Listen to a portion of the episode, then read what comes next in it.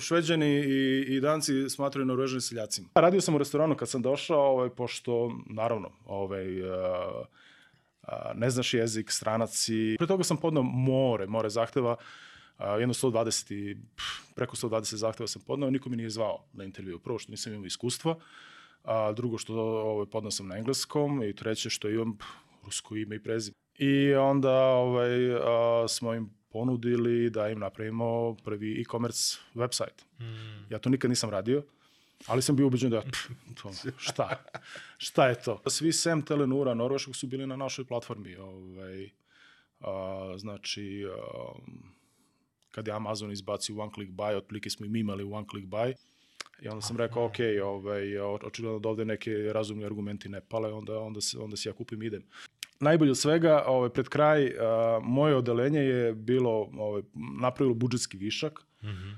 što je svima bilo nemoguće, pošto u policiji prvo ne možeš da napraviš budžetski, budžetski višak nikak, a onda, sam, pošto sam ja išao u krug i pričao s ljudima, bio sam simpatičan, uvek nasmejan, jer ove, ne možeš da se naljudiš na, mm. na čoveka koji se, se, se smeje. I to mi je, na kraju, mi je postalo dosadno. Zbog toga što sam ovaj, toliko delegirao da ja ništa nisam radio. I onda, ovaj, pošto sam uvek bio handyman, ovaj, sastavio kompjuter, popravljao pegle sa šest godina. Ovaj, rekao, ma mogu ja to da napravim. Mm -hmm. I onda sam stvarno napravio, ovaj, uzeo sam neku staru sofu i izrezao kožu. Ovaj, i napravio prvi kajš, još ga, još ga uvek imam.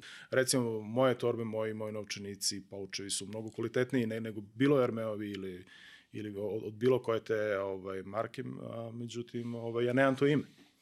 I onda je tu mali problem. E sada, o, oni koji zaista znaju ovaj, da, da cene kvalitet oni dolaze i a, onda u principu radim a, samo bespoke, znači on, samo po naručbini. To kažu ko je pametan, on, on spava u Francuskoj, radi u Švajcarskoj, a jede u Nemačkoj. Još podcast 1. Pozdrav svima, dobrodošli u Još podcast 1. Moje ime je Ivan Ćosić.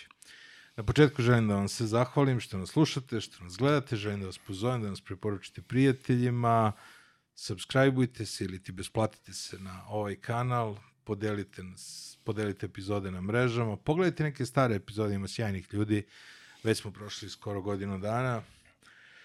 Uh, želim da se zahvalim našim sponsorima, to su Beans Cafe, uz koju razgovaram sa svojim gostima.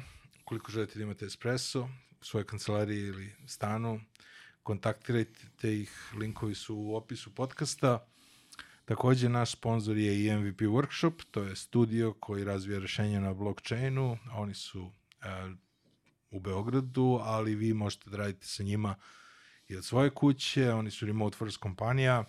Razvijaju neka sjajna rešenja, stalno su potrazi za ljudima, kontaktirajte ih, linkovi su u opisu podcasta.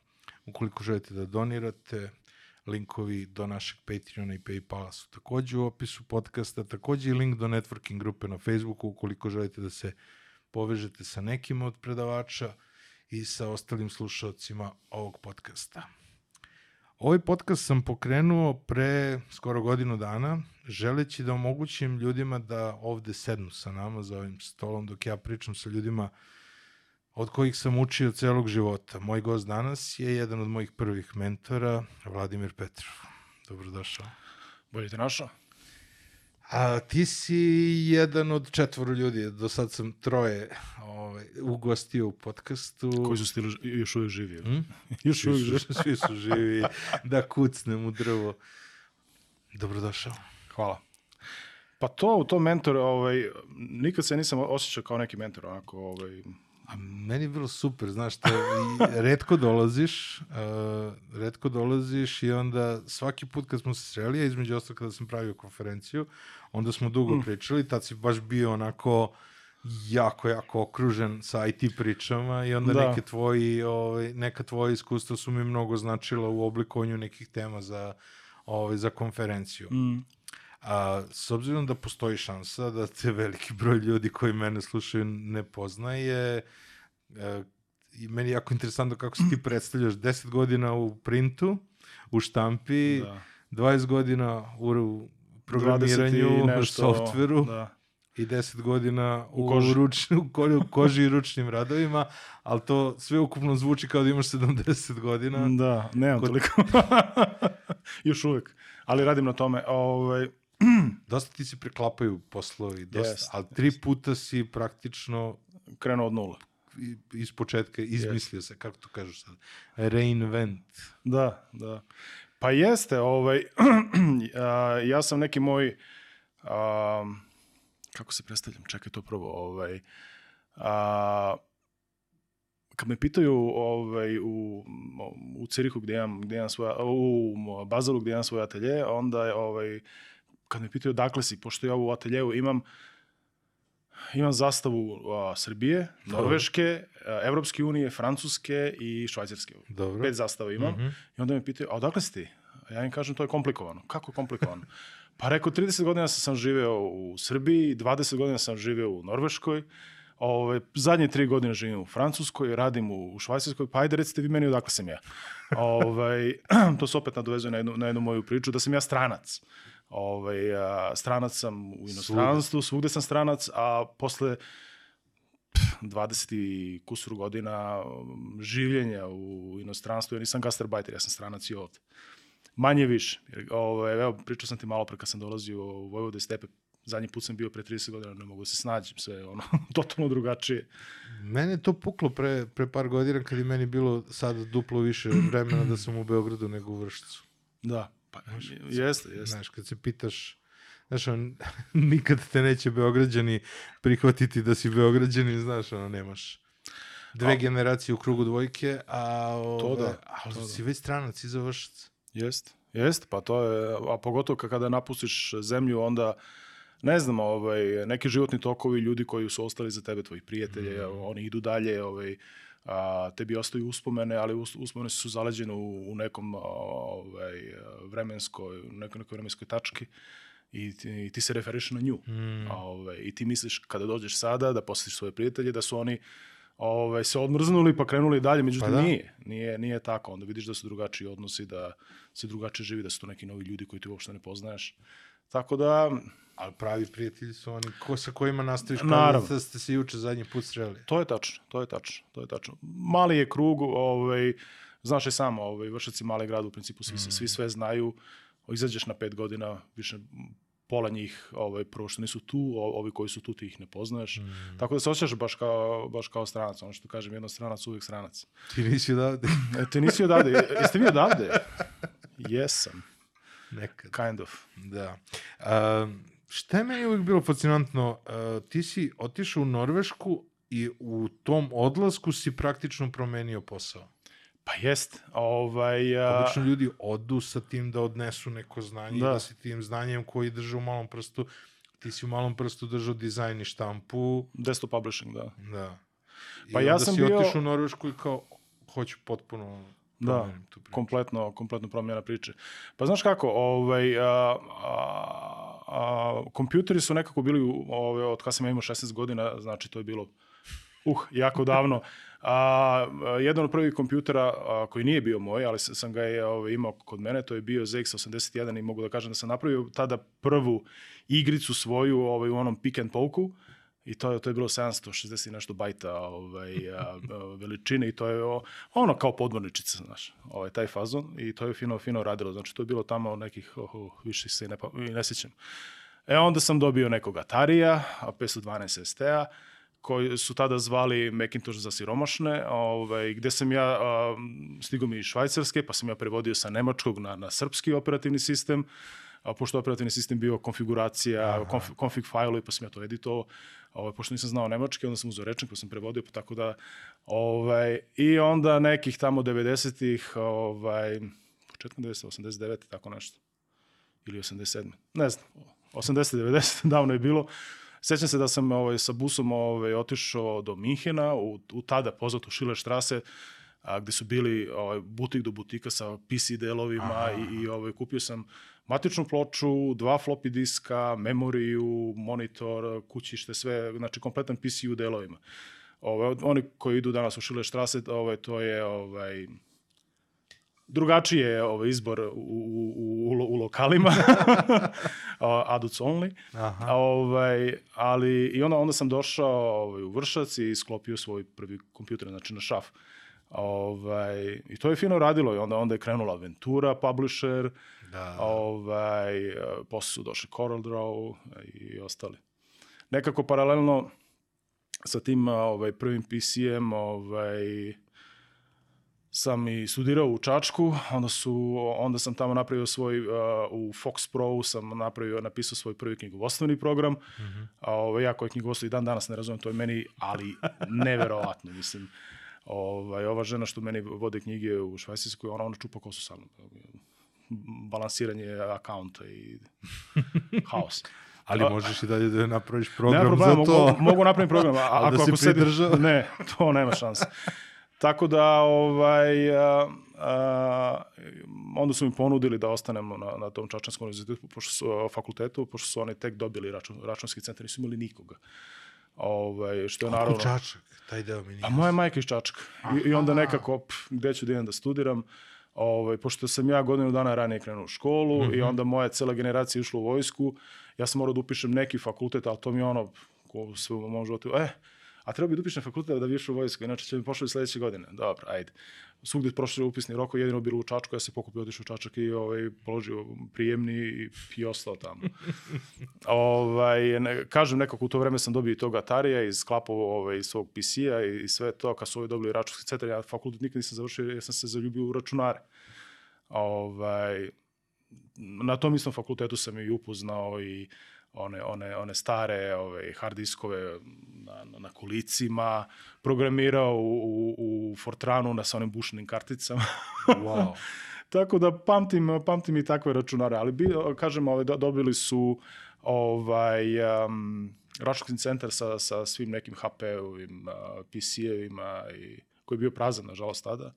I onda su ovaj, dva profesora su obiđali kao da ajde završi fakultet pa da, ovaj, da ostaneš da radiš u računskom centru, a ja sam imao druge, druge plane. Možda i nisam, ali mi se nije ostalo u Čačku. A kako si ušao u štampu? E, kako sam ušao u štampu, kad sam sklopio toga PC-a napokon, onda sam počeo da radim ovaj, Ventura. Ventura je bio jedan od prvih tih mm -hmm. ovaj, desktop publishing programa i ovaj, tad sam ja imao i dan danas me to drže kao neke artističke ovaj, a, deformacije u, u meni i ovaj, onda sam ovaj, a, koristio, tada da sam dosta i slikao i radio sam i grafiku i, i onda sam počeo da koristim kompjuter kao, kao četkicu. Mhm. I nekako, ovaj, a, mm, do, nab, kupio sam prvi laser i onda, onda sam počeo da štampam na pausu, to, se, to je fino išlo na, na sito štampu, onda, onda su ovi majstori koji su radili offset ukapirali da mogu da koriste to i umesto klasičnih filmova da mo- može paus papir. I tako da sam ja, ovaj, bio sam prvi u vrsu i jedan među prvima, mogu reći u Srbiji koji, koji je radio uopšte desktop publishing na nekom profesionalnom nivou. A onda su krenule separacije boja, onda da, da bi to radio moraš da naučiš tehniku offset štampe, moraš da naučiš sito štampu, to sam i radio. Tam, mislim, sve, sve vrste štampe sam prošao, od Flexa pa, pa nadalje. Ovaj Flex s- sam naučio zbog vršačkih a, bananskih novosti. Da. Da. su one išle na Flexu. Šta možeš da oštampaš, koja granulacija Da. i ostalo. Separaciju, separaciju me nikad nisi naučio, otišao si u Norvešku. A, eto vidiš. Posle nije bilo potrebe. Da. Teorije boja i kako se bo- boje slažu i tako dalje. Da. A kako je taj switch i odlazak u Norvešku? e, Pa ja sam odlaziš, otišao... O, o, Ti od, si nešto malo weba radio ovde i to je bilo to i onda si otišao. Da, tako? ovaj, i onda, pošto o, u početku ja nisam mogao da nađem, naravno, posao kao, kao programer, onda, onda sam ja ovaj, počeo da, da nešto pravim sam. Mm -hmm. Imao sam programskog iskustva, ja sam radio u Pascalu, radio sam u Fox Pro, tako da ja nisam bio ono tabula rasa što, što se tiče programiranja. Mm -hmm. Ovaj, I onda, tad je bio početak toga, toga ovaj, internet buma, to je bila 2000-ta, i a, podneo sam a, zahtev za posao za klijent programera, a, znači web, a, ovaj, jednoj firmi. I ja sam podneo zahtev u četvrtak, a pre toga sam podneo more, more zahteva, jedno 120 i preko 120 zahteva sam podneo, niko mi nije zvao na intervju. Prvo što nisam imao iskustva, a drugo što ovaj, podneo sam na engleskom i treće što imam pff, rusko ime i prezime. Čak i tada. Pa čak i tada. U, da. A, Ove, mo- mogu, mogu ove, kad budemo, ako Podka- budemo pričali o... ne, o Ne, a podcast voli anegdote, tako Voli da anegdote, slobodno, okej. u bilo kom trenutku, ovaj, ako imaš što nisam ono, toliko smo se zaleteli, ono, da popijemo kafu, da pričamo, da pričamo, ovaj, kad si stigao, Ovaj, nisam ti taj deo rekao, znači, slobodno, kad god Okej. imaš neku konkretnu priču ili anegdotu, slobodno, A, ovaj, kad sam došao u Norvešku, a, bi, a, znači to je bilo negde maj, a, a, onda su a, 17. maj, to je njihov a, ovaj, državni praznik, dan Ustava, to ti je ono naj, najvažniji dan ovaj, kad se svi u buku narodne nošnici i sve ostalo. I onda je došlo leto i onda su njihovi borbeni avioni a, imali su neki miting, nemam pojma šta je bilo, i onda su njihovi borbeni avioni, a, ovaj, F-16, vrlo nisko leteli iznad osla, što u principu ne rade. I, ovaj, I onda su svi počeli da, da, da gledaju uokolo, a, a ovaj, moj šef u restoranu gde sam ja radio, ovaj, on, je naše gore list iz Pavliša inače, o, on mi je rekao, ha, Ra radio si u restoranu? Da, da, da. Dobro, taj deo nisi rekao. a nisam ti rekao, pa čekaj, čekaj, čekaj. Ovaj, a, to je bilo pre, pre nego što sam dobio posao ovaj, kao Program. programer. I on kaže, onako mrtav hladan, Rusi, nastavi dalje da secka povrće. Ja ga pitam, Boki, kakvi Rusi? A, ti ne znaš? Rekao, šta ne znam? Pa ne znam, kao jedno deset godina pre ove, nego što sam ja došao, su Rusi došli sa dva- 20 jedinicama, migovima u, u niskom letu, niko ih nije detektovao i probili su zvučni zid iz- iznad osla. I vratili su, to je bio neki veliki incident. I, od- i od onda da se, se, da se jave. da se jave da su tu. Niko ih nije primetio. Preleteli su Švedsku, preleteli su te baltičke zemlje, došli do Osla, napravili krug, vratili se nazad, probili zvučni zid ovaj, iznad, iznad Osla, što ono pukne. I, ovaj, i uh, od onda sam ja stalno, kad se čuju tako avioni, ja ono Norvežanima kažem Rusi. Posle su kapirali da se zezem, naravno. Ove, da, radio sam u restoranu kad sam došao, ovaj, pošto, naravno, ovaj, uh, uh, ne znaš jezik, stranaci, ovaj, A i tako počinje svaka hollywoodska i priča. onda prvo šamaranje tanjira, pa onda, ovaj, znači u jukeboxu radiš. I ovaj, onda posle kao pomoćnik eh, kuvara. I onda tamo kad sam se navukao na, na, na ovaj, pečenu slanenicu, onda sam ovaj, našao ovaj posao. Od slaninice do programiranja. Pa da, i, ovaj, i onda sam dobio, ovaj, um, znači u četvrtak sam poslao taj, taj, taj zahtev za posao, u petak su me zvali, pitali me kad mogu da počnem da radim, ja bio u šoku, rekao, what? I pa rekao, pa mogu u ponedjeljak, kao dođite u ponedjeljak. Tako da sam ja ovaj, po, posle tih silnih, silnih molbi za, za posao, dobio sam posao na ovako. I ovaj, caka je bilo u tome, ovaj, što su oni tražili mesecima klijent programera, internet boom, a imaju jako mnogo naručbina, ovaj, nema ljudi. A, e, a tada je e, norveški imigracioni zakon bio jako striktan, tako da nisi ti mogao da, da dovučeš nekoga tek tako da, da, da radi za, za tvoju firmu. To je bilo komplikovano, trajalo je puno, puno vremena da dobiješ radnu vizu i ostalo. A čekaj, koliko ti je trebalo od dolaska u Norvešku do, preko tih kafana do, do Pa, posla? otprilike šest meseci. Ja sam došao u maju, a dobio sam posao u januaru. Mhm. Znači, nešto malo više. Ovaj, I onda sam počeo da radim kao, kao klijent programer, onda ovaj, uglavnom specijalnost mi je bila kroz, kroz browser compatibility, ali pazi, to je bilo znači vreme Netscape-a na, na Macu, Da, da. Internet Explorera, ne znam koji je to bio, pet, Mhm. ove, gde ništa sa, sa ničim nije radilo, znači ako napraviš za jedan, browser obično ne radi na drugom, ovaj, a, tako da a, mene su uzeli zbog toga što sam uspio da napravim kod koji radi i na jednom i na drugom, i ove, najveće lansiranje moga tima, tad su mi unapredili u Chief Client Programmer, tako da sam dobio svoje... Ovaj, Šta znači client programmer? Pa u principu HTML, CSS, JavaScript, znači sa klijent Ono što je strane. sada front-end? Pa front-end, da. Aha, O, tad se to zvalo client, client program. Aha. I a, Breakthrough je bilo, bilo kad smo izbacili za njihovu, za norvešku glavnu a, biznis magazin a, E- E24, kad smo izbacili njihov prvi website.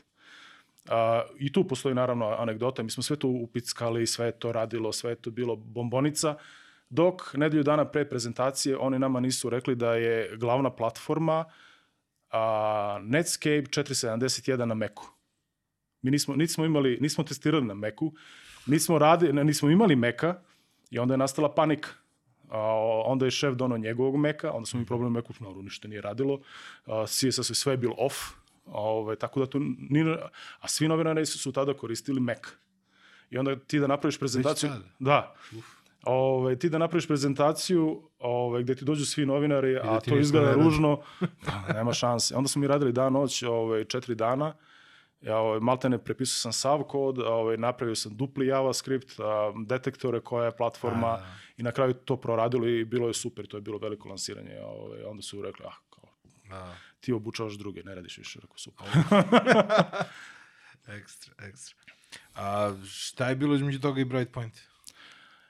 A, iz, a, između toga i Brightpointa je bilo nešto što se zove episteme, Dobro. jer ovaj, kad je pukla ovaj, internet sapunica, a, onda a, more je dobilo otkaze ovaj, iz tih velikih firmi, internet firmi.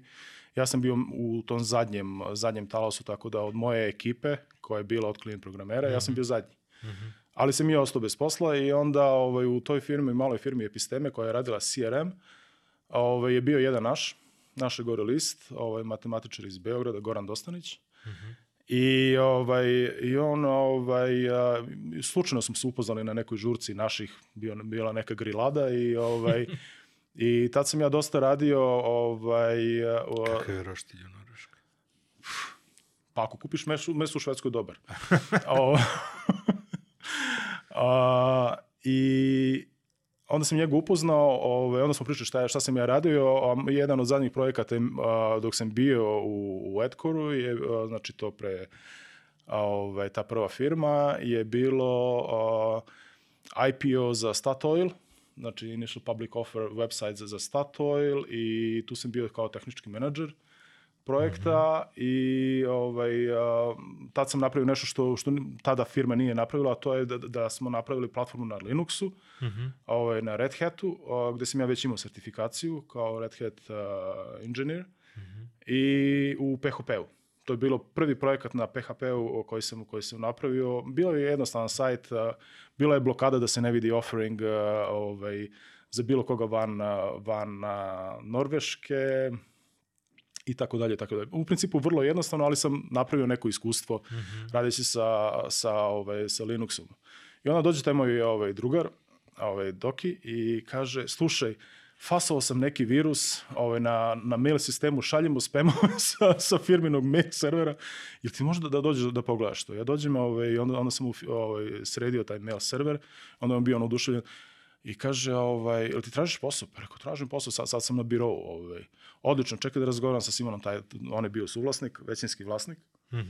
I tako da sam ja ovaj, onda u avgustu dobio posao kod njih ovaj, kao programer. Onda sam počeo, onda sam, ovaj, oni su radili dosta u Delfiju, znači Pascalu, ovaj, i onda sam ja ovaj, doneo PHP i JavaScript i ostalo. Oni su radili dosta CRM, a ja sam počeo da radim na, na e-commerce platformama.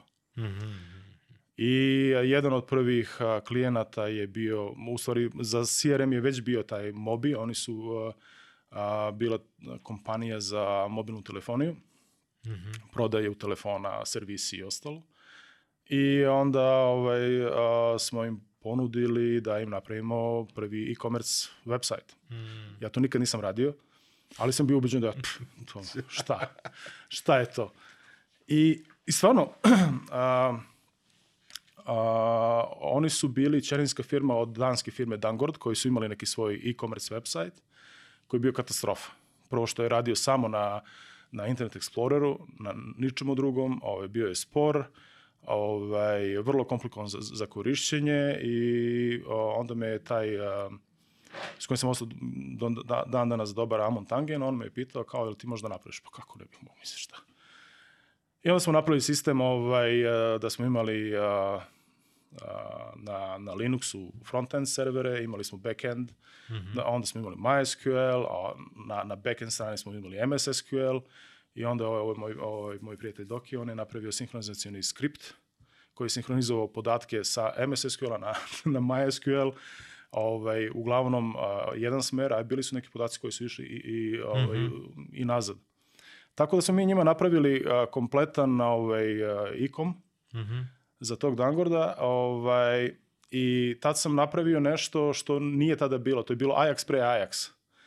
Ovaj, a, danas ti je normalno da, da koristiš ovaj, Ajax da, a- asinhrono, međutim ovaj, tada nije toga bilo, nije bila komponenta u, u brauzeru, onda sam ja koristio iframe Mhm. da dovučem podatke ovaj, i onda sam kori- koristio DHTML da, da, da ubrizgam te podatke u određeni, u određeni ele- element. I to je fun, fun, funkcionisalo. Pre e, nego što je to postalo sve bušno. pre- da, da, da. Onda, onda, onda su po, posle to pokrpili tako da to ne možeš više, da radiš, ali tada je moglo. I, ovaj, I prve godine Dangord, oni su uh, imali su otprilike godišnje negde oko milion uh, danskih kruna prometa na tom e-comu. Posle prve godine kad su stavili naš sistem, prešlo im je preko milijarde. Wow. Znači, ovaj, a, oni su bili super, super s- zadovoljni, onda smo otvorili za Mobija i onda, ovaj, kad je to s- sve išlo, ja sam predložio, možda se sećaš te priče, da, da sam pričao ti, ovaj, tim mojima u Epistemu, da otvorimo firmu ovde. Da uzmemo programere iz, iz Srbije, da oni sede ovde, da programiraju za nas. A, znači da, da se radi na razvoju ikoma. Jer i naravno i nama je skočio prihod, mi smo zaposlili pet ljudi gore još pride da, da, da radi taj, taj deo, na kraju smo i, i zasli a, kad nas je a, prvo Dangord preuzeo, posle je do, došao Brightpoint koji je kupio Dangord. ovaj, Dangord nas je kupio, tada je bilo 17 nas koji, znači oni su kupili kompletan ikom deo, bilo nas je 17. Znači od mene samoga, dok, dok nas nisu kupili, bilo nas je kompletno 17. Mhm. Ovaj, I onda je Dangord, onda smo ovaj, uradili prvu platformu, ovaj, kao generičnu platformu za, za e-com na PHP-u. I onda smo imali dva klijenta, to je bio a, u svakom slučaju Teline, Netcom i, i Tele2 u Norveškoj. I onda ovaj, a, posle smo se prebacili na Javu, znači pre- prepisali smo sve na Javu i napravili smo Tad si došao. Tad, tad smo pričali, zato što znam da je bila priča da li koliko može da se pronađe Java programera ovdje. mm, Kad smo pričali, o tome. to je bio taj trenutak kad ste prelazili na Javu, da. na Javu. I ovaj, onda smo na- našli neke još Java programere i onda smo prebacili sve to na Javu i naravno ovaj, a, unapredili sve to, zezali se sa Hibernateom koji je tada pucao na sve strane, krene ti transakcija, ode mail, ode sve i u, ne nađeš u, bazi ništa i uf, onda sam se prebacio na Postgres koji radio mnogo bolje, Oracle za siromašne. ovaj, Uvijek za siromašno. Uvijek za siromašne nešto. I ovaj, tako da... A, I onda sam rekao, kad sam zav- završio tu drugu platformu, rekao sam nikad više ne, ne pišem ikom platformu. Ovaj, u životu, nema šanse, mislim, to je toliko stresno. Ovaj, a, prvo što smo mi imali jedno šest meseci workshopove sa, sa našim najvećim a, klijentima i ovaj, pokušavali smo da, da vidimo ovaj, šta su njihovi zahtevi, da, da sve to ukomponujemo u platformu. Mhm. Tako da je funkcionisalo dobro, onda svi sem Telenura Norveškog su bili na našoj platformi. Ovaj, a, znači, a, kad je Amazon izbacio one click buy, otprilike smo i mi imali one click buy, ali smo se, ovaj, imali smo konekciju sa njihovim a, customer sistemima. I čekaj, držali ste i, i Dansku i Norvešku. Ne, samo Norvešku, Aha. a onda smo pred kraj moga bivstovanja u, u Brightpontu, onda smo ovaj, a, onda sam napravio nešto kao univerzalnu platformu, ja sam to zvao ovaj, konfigurator.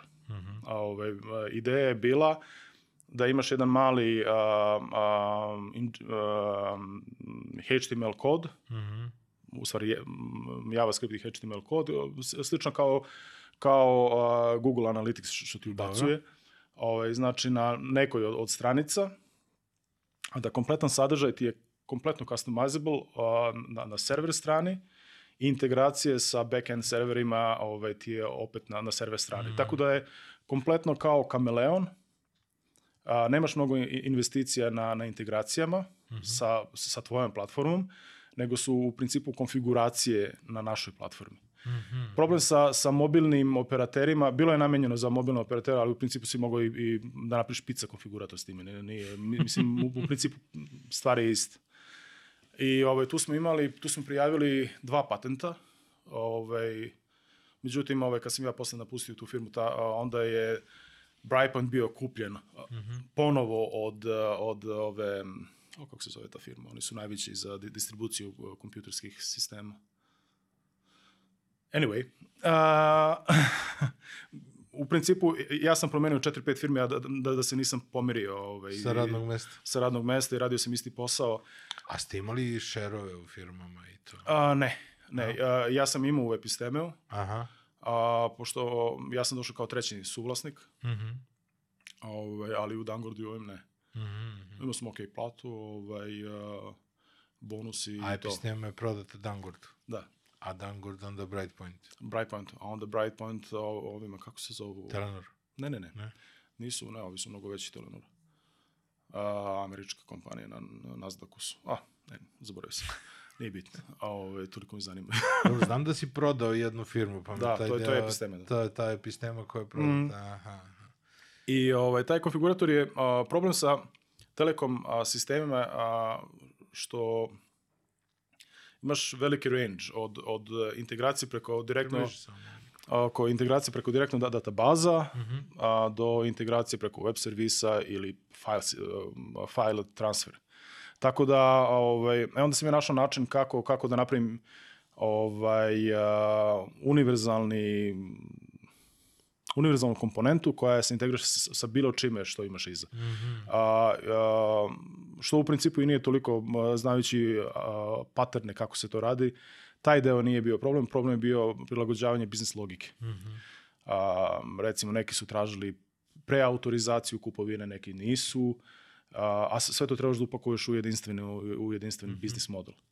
Tako da je to ovaj, jako fino funkcionisalo. Ovi su krenuli da, da, da prodaju Tele2 u Švedskoj, Mhm. a, Telenuru u Švedskoj, a, Klaus Olsson u Švedskoj i, u Engleskoj. Dok se to stiglo, po- pojma nemam, pošto sam ja onda, onda na kraju ovaj, a, dao otkaz i malo bilo ovaj, a, dosta više toga. Što, šta su bili problemi? IT Pa bili su... A, U bili kojoj su godini tu govorimo? e, sad. O, recimo, 2015-16. Tako, da, da. Uh, e onda um, problem je bio što je što nas je preuzela ta američka kompanija i onda su došli neki neki novi uslovi. A, taj softver koji smo mi razvijali, koji je bio vrlo uspešan, a, jednostavno ovi su ga ignorisali. Mhm. A, moguće zbog toga što nisu razumeli javu, jer su oni radili sve na, na .NET-u i onda su bile naznake da ceo taj softver koji smo mi razvili, koji je bio fantastičan, generira se ogromne pare i nama i ostalima, da, da su oni to rešili, da, da ga jednostavno penzioniš. I onda sam rekao, ok, ovaj, očigledno da ovde neke razumni argumenti ne pale, onda, onda, se, onda se ja kupim i idem. Međutim, imao sam jedan, ovaj, mogu se nađem posao bilo gde, pošto su mi svi znali u branši, međutim, imao sam jednu klauzulu u ugovoru da ja ne mogu da radim sledeće godinu i po dana u istoj branši. Da, da znači da, ovaj, da, američki fazoni. Ovaj, Non-compete. da. Tako da nisam mogao da, ovaj, a, naravno, u Norveškoj u principu ovaj, to čekaj, ilegalno. Čekaj, šta tu znači ista branša? Znači, da, Da ne možeš da budeš programer ili da, da ne možeš mogu da, radiš da ne mogu da radim telekomunikacionim u kompanijama? telekomunikacijnim na e-commerce platformama. Znači ono što sam radio ovde, da ne mogu da radim u nekoj drugoj kompaniji u, periodu godinu i pet dana. Naravno, ovaj, a, to je u, ovaj, a, a, taj zakon, taj ugovor je kršio norveški ovaj, zakon o, ono to kažu marketsføring, a, a, marketinški zakon Mhm.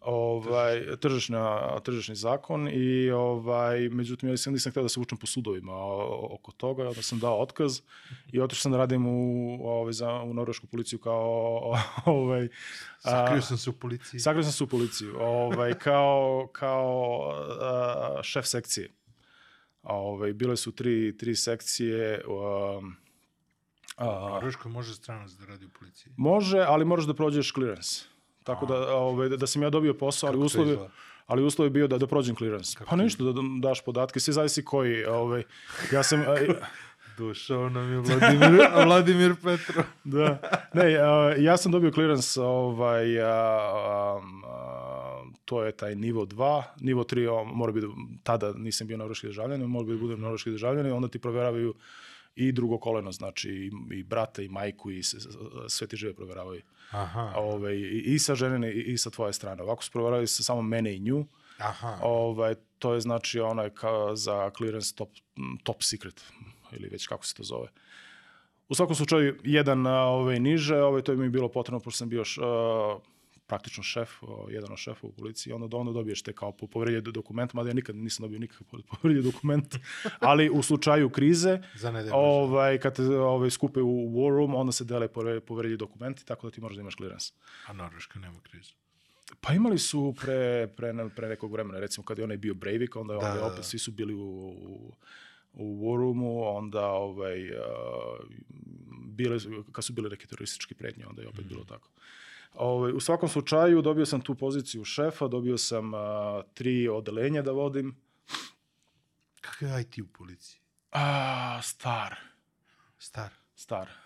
To, to, to vam bilo tebi, baš ti stalno volio nešto da hakuješ i da popravljaš. Jeste, a, međutim, o, Premošćavaš. kad sam došao u policiju, ja nisam programirao, ovaj, a, a, ja sam došao na menadžersko mesto. pa da, Ovaj, I to mi je bio novi, novi onako experience. nije bilo ono kao neka sam ću. Da, da, da. Ne, ne, a, a, a, tu sam na, naučio da, da, da raspodelim posao. Mm. Ovaj, da delegiraš a, taskove i da pratiš kako se, kako se odrađuje. Tako da, ja sam imao, ovaj, a, imao sam a, politi operativ, to je ovaj, operacione, operacione sale policijske, znači mm -hmm. sa monitorima, softver koji to obrađuje. A, Strafesak, to, je, to su one databaze optuženika i one koji se prate i Aha. ostalo osuđenika. Je to povezano sve kod njih? Ne, A? ne. Svi su odvojeni, a, ovaj, mogu da se povežu podaci samo ako, ako državni tužilac to, to naredi. Znači nema. Za- Zato im se Breivik ovaj, dogodio zbog toga što one nisu mogle da rade kroz a, istraživanje a, op, baze optuženika i, sumnjivih, a, kriminalne policije i carine. Nisu mogli da rade tu triangulaciju, a, pošto je ovaj Breivik bio a, sumnjivo lice pre, onda oni nisu imali pojma da je on uvezao ne znam koliko tona đubriva od koga je, od kojeg je napravio bombu. Zato im se, zato im se desio Breivik, mislim, to ti onako, i, i, oni, oni to nisu predstavili tako normalno, ovaj, da neko ne, neko ne bi dupe zasvetlalo, ovaj, ali je, to je to. A, I a, zbog toga što oni imaju ono pravilo, imaš pravo da znaš onoliko podataka koliko ti je vezano za opis posla, Mhm, mhm. što je okej. Ovaj, Što je super, sa, ugla, iz ugla privatnosti, Da, ali iz ugla jest. bezbednosti Iz, države. iz ugla bezbednosti. Ja mislim da su nešto oni tu menjali, ali dalje je vrlo striktan taj, Aha. taj njihov zakon o, o privatnosti, pri- o Prioritet. sigurnosti pri, privatnih informacija. Isto kao i u Švajcarskoj. Ovaj, tako da, a, eto, dve godine sam bio tamo. Mhm. A, imao sam tri tim lidera, jedan, a, jedan od njih je bio, još uvek je ovaj, a, jedan naš gore list. Mhm. On je i dalje u policiji, on je uspeo posle ono što ja ni- nisam, nisam uspeo. Ovaj, uveo je cloud, uveo je razno razne ovaj, Mhm. sisteme, uveo je DevOps i tako dalje. Sve ono što smo mi počeli dok sam ja bio tamo, ovaj, to je on posle nastavio i izgurao. Ovaj, um, I to mi je, na kraju, mi je postalo dosadno. Zbog toga što sam ovaj, toliko delegirao da ja ništa nisam radio. I onda sam, ovaj, ali bukvalno ništa nisam radio, onda, onda sam išao uokolo, ovaj, a, pričao sa ljudima i ovaj, a, Pio kafu. pio kafu, imao sam a, a, znači nedeljne sastanke s mojim tim liderima, ovaj, i onda je to bilo ono kao scrum meeting, stand up, 15 minuta, ima problema, nema problema, podelimo zadatke. Ovaj, I ono, ovaj, pošto sam imao negde oko 40 a, što interno zaposlenih, što konsulenata u, u timu, onda ipak imaš malo, moraš da pričaš s njima, moraš da ih ovaj, obiđeš, da, da čuješ ovaj, šta rade i kako rade i tako. Ono što mogu da se, eto, ajde, ajde da se pohvalim malo. u- A se voziš kao službeno lice? ono? Ne, ne, ne, ti si kao civil u policiji. Civil u policiji? Mm. Aha. Znači nemaš ono pištolj, pendrek i ostalo. Pa ne znam, ali misliš sam ono... Ali ovaj, zgodna je stvar, dobiješ vizit kartu i onda ovaj, kad negde parkiraš kola nepropisno, samo staviš vizit kartu ovaj, u, u šoper šajnu, onda kad dođu ovi, Aha, ovi, oh, policija, sve u redu. pošto ima znak policije, onda one, one ne gleda ni kosi, ni šta, samo vide policiju, samo te zaobiđe. Tako da ne dobiješ kaznu. To je bila Ti pozitivna. se baviš štampom ceo život. Ti si to mogo, to ti si mogo da napraviš. I, Ah, I bez čuj. posla tamo. Da odštampaš. Da, i onda, ovaj, najbolje od svega, ovaj, pred kraj, a, moje odelenje je bilo, ovaj, napravilo budžetski višak, Mhm. što je svima bilo nemoguće, pošto u policiji prvo ne možeš da napraviš budžetski, budžetski višak nikako, jer, jer ti dobiješ budžet da potrošiš na, na svoje odelenje, znači mm. na, na plate, na a, edukaciju, ove, na mobilne telefone, tehniku i, i ostale mm. stvari, znači to ti ide iz budžeta. Međutim, ja sam imao neki 2 miliona kruna budžetskog viška i onda je došao moj Kako? šef i pita, pa šta si ti radio? Pa rekao ništa, ovaj, a, pošto sam ja njima uveo Kanban. Dobro. Ovaj, a, pre toga sam bio Scrum Master i onda sam je vidio da, da, da Scrum ne može da, da, da radi uopšte ovaj, u policiji. Onda sam im uveo Kanban. Kako sam uveo Kanban? Pa lepo, slušaš, ovaj, moji, a, znači, moji zaposleni su bili nezadovoljni što oni dobijaju a, samo maintenance job, znači stari programi, oni to krpe, malo nešto dograđuju i vrlo su mhm. bili nezadovoljni. A ovi konsulenti, oni su dobijali fine poslove, nove projekte, nova tehnologija i onda ovaj, i konsulenti su bili jako skupi. A onda, sam, pošto sam ja išao u krug i pričao s ljudima, bio sam simpatičan, uvek nasmejan, jer ove, ne možeš da se naljudiš na, mhm. na čoveka koji se, se, se smeje. Ovaj, I onda sam odlazio kod njih i kažem, ovaj, ajmo da napravimo jedan eksperiment, ne mora niko da zna ajde ovaj, da, ovaj, da ja vama dam moje programere, ove zaposlene, mm -hmm. pa da vam oni odrađuju jedan deo posla ovaj, a, i da vam fakturiš interno fakturisanje. Jer oni su plaćali tada konsulenta, recimo, spoljnog konsulenta, 1000 norveških kruna, a moj konsulent internet cena je bilo 230. Mm -hmm. Tako da je mhm. njima bilo mnogo bolje, jer su oni uvek probijali budžet, a sa mojim programerima koji su oni znali, znaju, da znaju domen i sve, su ovaj, štedili jako puno para. Onda smo mi napravili ta, takav deal, a onda sam ja skupio moje ovaj, programere, onda sam rekao, slušajte, idemo da primjenimo Kanban. Znači, Ovaj, Objasnim Kanban za ljude koji ne znaju. Joj, Kanban je vrlo... Či ja ne bih mogao, Scrum bi još možda i mogu da objasnim. Kanban je vrlo, vrlo jednostavno. U principu ovaj, trebaš da... Uh, A, imaju tri pravila. Da vizualizuješ svoj a, workflow, mm -hmm. a to znači da napraviš neku tablu i da, da, da, da kažeš, aha, a, a, podeliš u kolone. I u ovoj koloni radim ovo, u ovoj koloni je ovo. I znači ta kartica na kojoj se piše koje je, koje je task, kad se odre, na, o, ispune određeni uslovi koji su definisani kad definišeš Kanban, mm. ovaj, onda se prelaze, onda prebacuješ u sledeću kolonu, dok na kraju imaš dan. Mm -hmm. I naravno, ova ekipa do, do, se dogovori šta, šta to znači dan, isto kao, kao i, u Scrumu. Mm -hmm. ovaj, znači da je testirano, da radi, bla, bla, bla, da je prihvaćeno i, i ostale stvari. I onda sam ja rekao ovaj, momcima, ok, ajmo, ajmo da radimo nešto, ovaj, znači vi morate da radite maintenance job, mm. jer ako nešto padne ti moraš da to popraviš, ali rekao da radimo inflating, uh, in, to, to je na norveškom, učešljavanje, Dobro. učešljavanje ovaj, taskova, znači da imamo i projektne taskove i maintenance taskove u isto vreme. Znači, kad se završi jedan maintenance, uzmi projektni task. Mm -hmm. I onda na kraju, ovi koji su bili tim lideri, oni su koordinisali šta ide u projekat, a, a šta, šta je maintenance. I onda su pravili uh, deliveries. Dobro. Od toga. I ovaj, u početku, naravno, to, dok su se oni malo uhodali, to nije baš išlo tako, ovaj, ali nije bilo kašnjenja, ali je išlo mm -hmm. sporo. A, što se tiče projektnih, a, ovi maintenance su uvek imali prioritet, jer ako padne ti operativni sistem u policijskoj centrali, onda, onda ti dižu u sred noći. Ovaj, tako da je projekt išao, išao malo sporije, međutim kad su uhodili, onda je to išlo, išlo jako fino. A onda su se momci trudili da ove maintenance urade što pre, da daju znači ovaj Aha, da zbog toga što im ono bilo mnogo zanimljivije, zabavnije. nova tehnologija, aha. znaš. I ovaj, posle određenog vremena to je išlo jako dobro i kažem na kraju godine, na kraju finansijske godine, otprilike sam tad ja davao, davao i otkaz. Ovaj, dođe moj šef i kaže, neverovatno, ti, ti si u plusu, onaj drugi, ona druga sekcija mi je u minusu, tamo ću da uzmem tvoj plus da pokrijem onaj minus. Tako da, verovatno, je, je to bio prvi slučaj u, u istoriji policije da jedan, da jedna sekcija zaradi pare. I e, kada tad Znači, radiš prvo na Atariju, na Meku za siromašne, pa na cloudu za siromašne, na svim tim i onda krećeš da radiš nešto što je u principu za bogate. Krećeš yes. da radiš ručne radove i tako. Koji je to trenutak gde, gde si ono počeo da radiš? I... Kliknu. Pa, kažem, bilo mi je dosadno u policiji. ne, a, a, pravi razlog, a, kako sam ja krenuo uopšte u kožu, a, ovaj, to mi je onako bilo skroz u ofu, ovaj, nikad nisam razmišljao o tome. Međutim, kad sam kupio svoj prvi ovaj, sat, pošto sam ja lud za satovima, mm -hmm. Ovaj, to je bio Panerai i uh, iako je to veliki sat, Dobro, kajševi su kratki, oni su rađeni za italijane. dobro. Ja sam pre bavarski model nego, nego da sam Armani. Ovaj, tako da originalni kajševi nisu pasovali, onda sam tražio neke aftermarket kajševe koji su bili katastrofa, Mhm. urađeni i onda, ovaj, pošto sam uvek bio handyman, ovaj, sastavio kompjuter, popravljao pegle sa šest godina, ovaj, rekao, ma mogu ja to da napravim.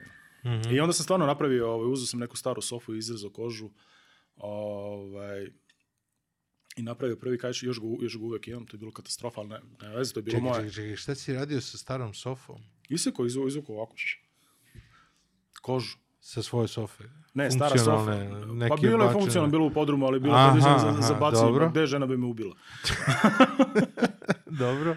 I ovaj, napravio svoj prvi kaješ koji je bio katastrofa, još uvijek je katastrofa, ali ovaj, čuvam ga kao posjećanje na, Da, prvi rad. na prve korake.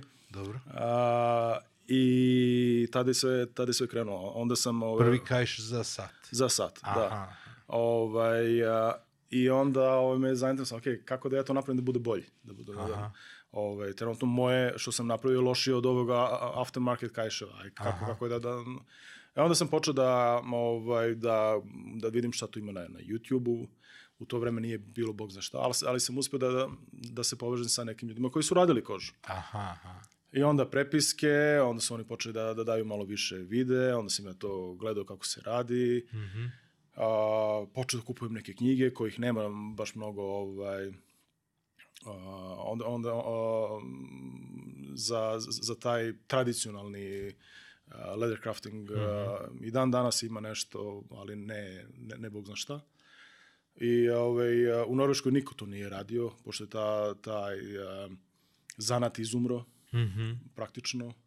Ima nešto ovih koji rade sedla, ima mm, jedan obućar koji je jako dobro ostao su ovaj, kobleri, Mhm. Znači oni koji popravljaju, samo ne prave. Mhm. O, I tako da sam ostao ograničen za, na internet, na YouTube, da gledam videe kako šta ko radi. I uglavnom, a, puno ono, trial and error. Koliko su Norveška, Švedska, Danska međusobno, životno, društveno povezane u tom nekom smislu? Da li kad si u Norveškoj ili u Švedskoj ili u Danskoj, da li su to onako neke... Mi to doživljavamo kao da je to sve deluje blizu i da to manje više sve slično. Ne, Jel se- o, šveđani i, i danci smatraju Norvežani seljacima. Aha. koji su našli naftu. ovaj, pa da, koji imaju jako puno para sada. O, e, imaju tu dve anegdote, ovaj, ajde, bit, bit ću malo brz sa anegdotama. Prva je kad su Norvežani a, pre nego što su našli naftu. Mhm. A, ovaj, oni su ponudili Šveđanima da dođu u vlasništvo Volvo. Mhm.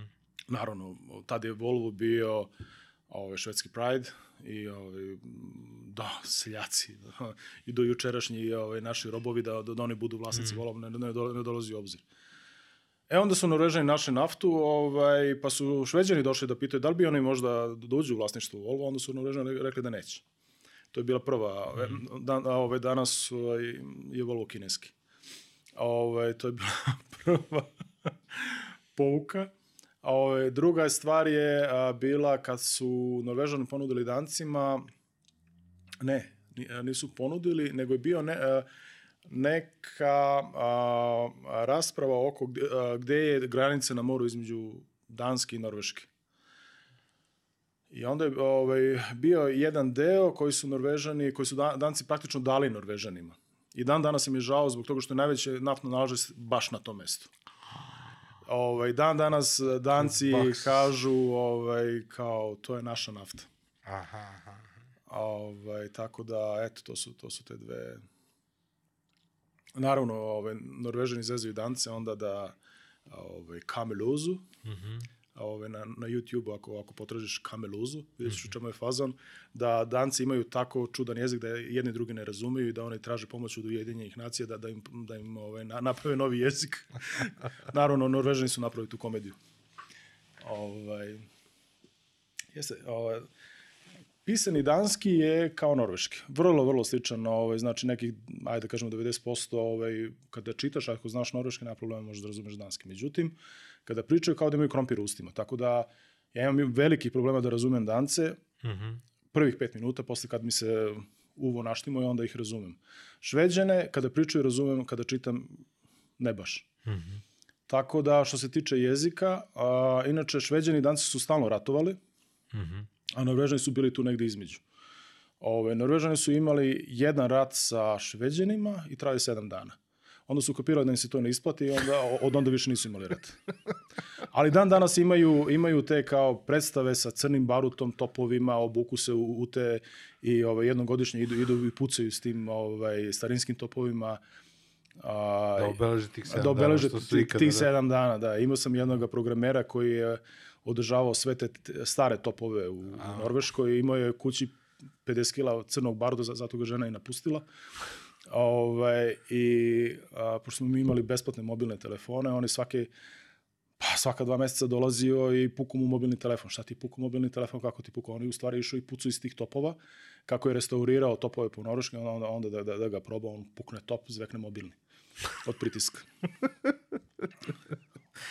Ali genijalan tip. Ne znam zašto sam te pitao, zato što ovaj, cijela ta literatura oko kože i oko svega, da li, znaš, razmišljao sam da li si imao dostupnost i toga, Ne. da li je dostupno i u Švedska i Danska kao, kao tržište, kao saveti, A- kao priča ili ne? Pa ne možeš da nađeš literaturu. U, u principu u Danskoj imaju neke firme koje prodaju a, kožu, gde je taj, a, a, ta kultura a, a, kupovine i naručivanja ručno rađenog a, je ipak malo, malo raširenije nego, nego u Norveškoj. Ali ovaj, ne, u principu si kao, kao na pustom ostrvu, manje više. I šta ti je bio inicijalno fazon? Da, da se ti izveštiš ili da, da to bude komercijalno? A, bilo je to više, a, više zbog mene. To sam ja uzeo, uzeo kao, ha, sad će zvuči, da, da smešno zvuči, kao duhovnu praksu. Zašto? Ove, kao programer i posle kao arhitekta, ja sam bio ovaj, uglavnom fokusiran na strateške stvari. Znači, ono, ovaj, a, kutija treba da stoji tu, a kakva je kutija, na koliko milimetara treba da, da, da stoji i šta ima u njoj, nije bitno. Ali ona treba da bude tu. Ovaj, a, a, znači, a, a, kao arhitekta, a, znači, konceptualna a, mm, a, konceptualno kako program treba da izgleda, ali stvarno kako do unit testa ide, to, to je meni uvijek bilo dosadno. Znači, to, to a, detaljno, a, de, detaljisanje i to meni bilo užasno dosadno. E, kad sam počeo da radim kožu, pogotovo te sitne stvari, tu možeš da se fokusiraš na, na detalj. To je nešto što sam ja u principu nisam voleo. I onda sam pris, prisilio sebe da razvijem taj, taj deo ovaj, u sebe, Mhm. da se fokusiram na, na detalje. Interesantno zato što je potpuno drugoj oblasti onda Totalno, ti je skroz. ovaj, omogućava ti da, da formatiraš mozak i da odeš u drugom pravcu. Jest, jest.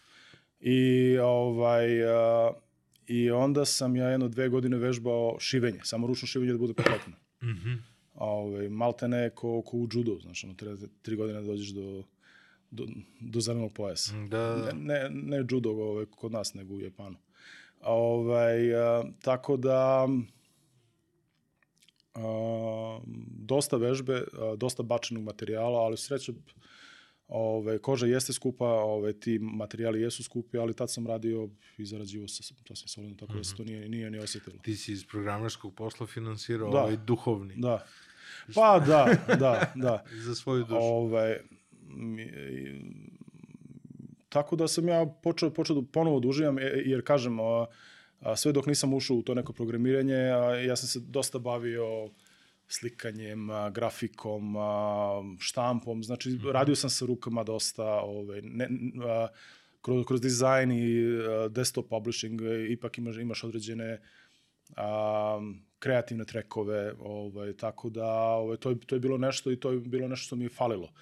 Ovaj, imaš ti kreativnosti i u IT-u, naravno, ali mm -hmm. na, na kompletno drugi način. Kako ćeš da rešiš nešto? Mm -hmm. Ali ovo je, ovo je, ovo je, ovo je druga, druga ekspresija. Mm -hmm. Tako da ja ovaj, tako nešto sam o, ponovo našao u, u koži, znači u dizajn, a, kako slažeš boje, vratiš se po- ponovo na teoriju boja, ovaj, kad počneš da razmišljaš o tome a, a, kompozicija, a, konstrukcija određenog recimo torbe ili novčanika ili šta ja znam, pauča. Mm -hmm. Tako da, Kad postaje komercijal? pa postaje, a, Ko je prvi klijent, ono, koga nisi poznavao? A, to je, ko je bio prvi klijent, eto se vidiš, ne sjećam. Ali a, jedna stvar je komercijalna, druga je stvar self-sustain. A, komercijalno ovaj, je postalo, pa čim sam se ja osmelio da, ovaj, da, da pokažem drugima što ja radim. Da zavaljaš prvi. Ali ovaj, i- to je prošlo dosta, to je prošlo jedno sigurno dve godine dok, dok sam ja Aha. ovaj, stekao dovoljno samopouzdanja, a, um, da, da je to bilo dovoljno po mojim kriterijima da, da kažem, evo, ovo je okej. A samo si radio u početku? Narukice, za da? Aha. da. Onda sam a, počeo da, da, da radim ovaj, i druge stvari, novčanike, počeo sam torbe koje su bile katastrofa. Pa da, drugačije, dru, ovaj, drugačiji je odnos geometrija, drugačije to slažeš, onda ja nisam znao kako se te rade ti šabloni, onda, onda se sve to učiš iznova.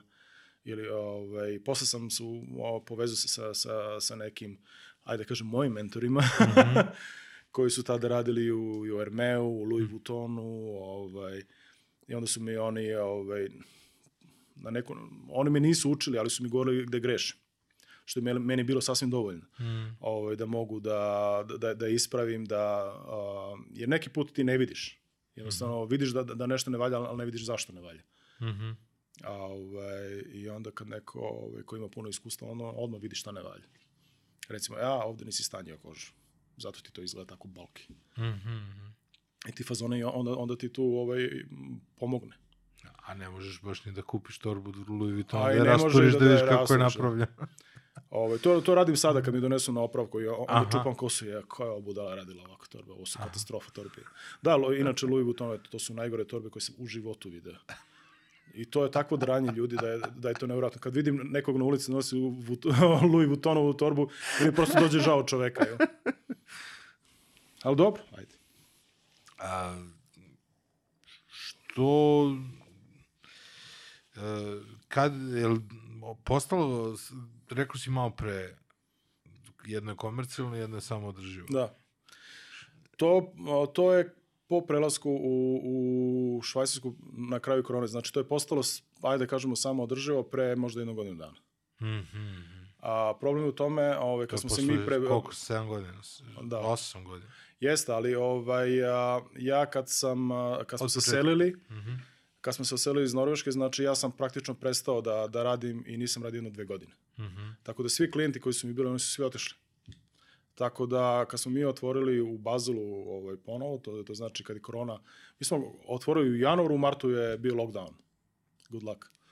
Ovaj, I, znači, krećeš kompletno od nule, ovaj, a, nemaš klijenata Mhm. i pokušavaš da u novoj sredini napraviš klijente. Tako da, i trebalo je, trebalo je dosta vremena, ja kažem, kucam u, u drvo prošle godine, ove, kako je to su popustili te, te mere, tako, su, tako je počeo da ide, Mhm. da ide na gore i sad je okej. Zaposlio sam jednu curu nedavno, Mhm. tako da to ide, ide dobro sada. A kako, što je uopšte došlo do preseljenja iz Norveške u Švajcarsku? O, Francusku. Zašto? Znaš kako, ovaj, Norveška ti je daleko na severu.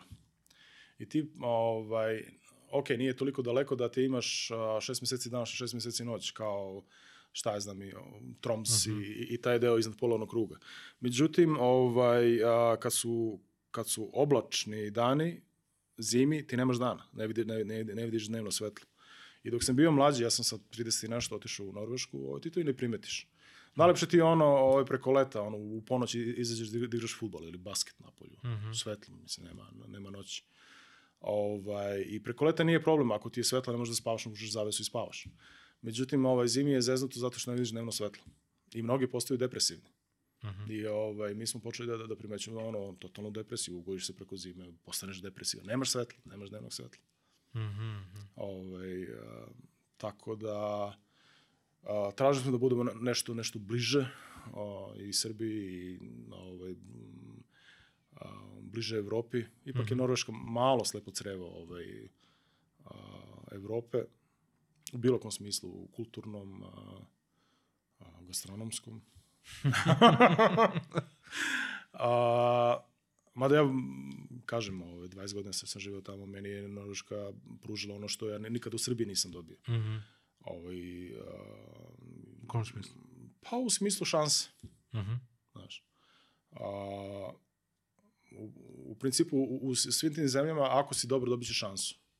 Mhm. A ovde možda budeš dobar koliko god hoćeš, za, šansu moraš da ideš na mišić ili da pozoveš nekoga ili da uđeš u partiju. Mhm. To je problem. A, s druge strane, ovaj, naši ljudi kad odu u inostranstvo, oni grizu. Tako da, kad dođe šansa, oni uhvate. Ovde čak a, u nekim slučajima ti i ne grizeš ovaj, i ne vidiš šansu. Mhm. Neki put nemaš potrebe, neki put si toliko googlao od stvari da, da jednostavno e, i ne vidiš. Mhm. Tako da, ovaj, a, s te strane, ja sam ono, kažem, ovaj, Norveškoj po- zahvalan zbog, zbog te šanse da, da napravim nešto u životu, ovaj, ali što je istina, je istina. Oni jesu malo slepo crevo. Mhm. A, tako da smo mi gledali gde, šta, kako, pošto nam ove cure pričaju francuski, onda smo gledali pro švajcarsku, to nam je bilo primarno. Mhm.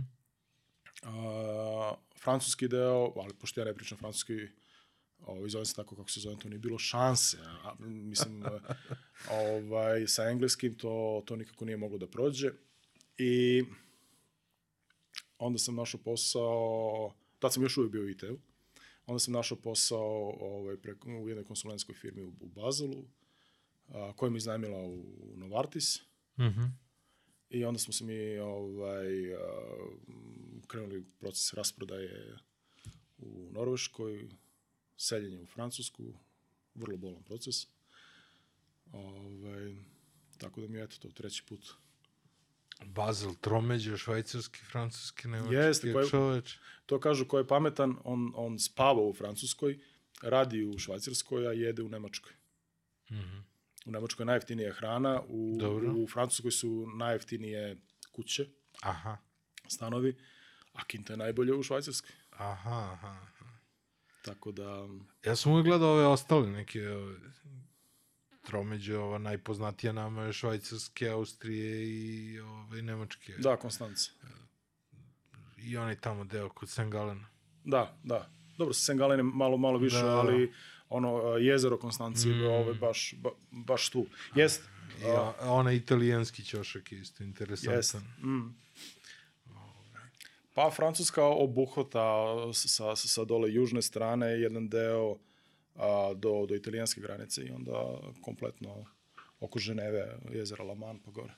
I čekaj, sad radiš u ITU i želiš i dalje da razvijaš kožu i... Ove, Ja imam a, atelje Aha. koji radi full A, speed. to, to sve do tada što si radio sa kožom, to je Mhm. sve bilo kao tvoj, pošto znam da je sada zvanično Atelje Petrova, mm Jest. tako?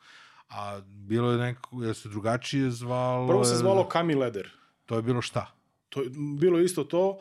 Ove, samo, se, samo se je imalo ime, pošto sam ja registrovao firmu u Norveškoj da bi mogao da radim sa, sa, sa, ovim a, prodavcima satova Da, i ostalima, moraš da isporuči fakturu. Dobro. I ovaj, to se zvalo Kami Leder, a Kami, ovaj, kao ono, Kami Kaze, ovaj, znači Boži, ovaj, Božija koža, Kami Leder. Aha, aha. A on- onda sam našao da u, da u Japanu postoji ovaj, jedna štavara koja se zove Kami Leder, pa sam onda, onda rešio, ma daj, stavim atelje Petrov. Da, da, da ne bude. I onda sam preregistrovao firmu na, na, na Atelje Petrov, tako da je ovaj, Atelje Petrov vuče još iz, iz Norveške. Aha, aha, aha.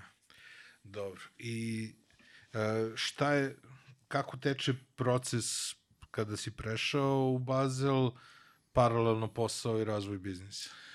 E, a, kao, Taj, kao, taj deo mi je važan zato što mislim da tu, mo, tu mogu mnogi da došla nauče. korona je. To, to, to, to, to, to mogu mnogi da nauče ka, šta je sve potrebno da bi se razvio svoj biznis. Pa došla je korona i, ovaj, i došao je home office. Mhm. Tako da je meni home bio moj atelje Aha, aha. i ja, ja sam sedao u ateljeu i radio sam to što, što sam radio ovaj, normalno. Znači, taj posao nije, nije trpao, međutim, obim posla nije bio toliki da, da, da ja moram da sedim 8 sati i da ovaj, tu a, čečkam nešto, a, a u isto vreme sam, sam radio ovaj, znači paralelno, bukvalno ovaj, paralelno. I onda neke stvari koje su mi recimo od glavnog posla ostale, onda sam radio malo duže. Mhm. Tako da, ovaj, um, u principu, i to, to još uvek radim, do kad ne verujem da, da će još dugo, pošto obim posla toliko raste da, da jednostavno ne, ne mogu više da, da postignem, da, da to savesno obavim prema ovoj firmi uh, konsulentskoj gde, gde radim sa, ovaj, u Novartisu. I uh, tog trenutka kad ne budem tu mogu da, da, da isporučim kako valja, onda ću dati otkaz i to je to. Mhm. A kako skalira ovaj deo sa, sa kožom? A, skalira je jako dobro, kažem, evo, ovaj, pre mesec dana sam zaposlio jednu curu ovaj, koja treba da da radi samo samo ovaj jednu vrstu kajševa, ovaj tu imam imam neke ovaj nove klijente koji traže veće količine, koje ja nema šanse da isporučim sam.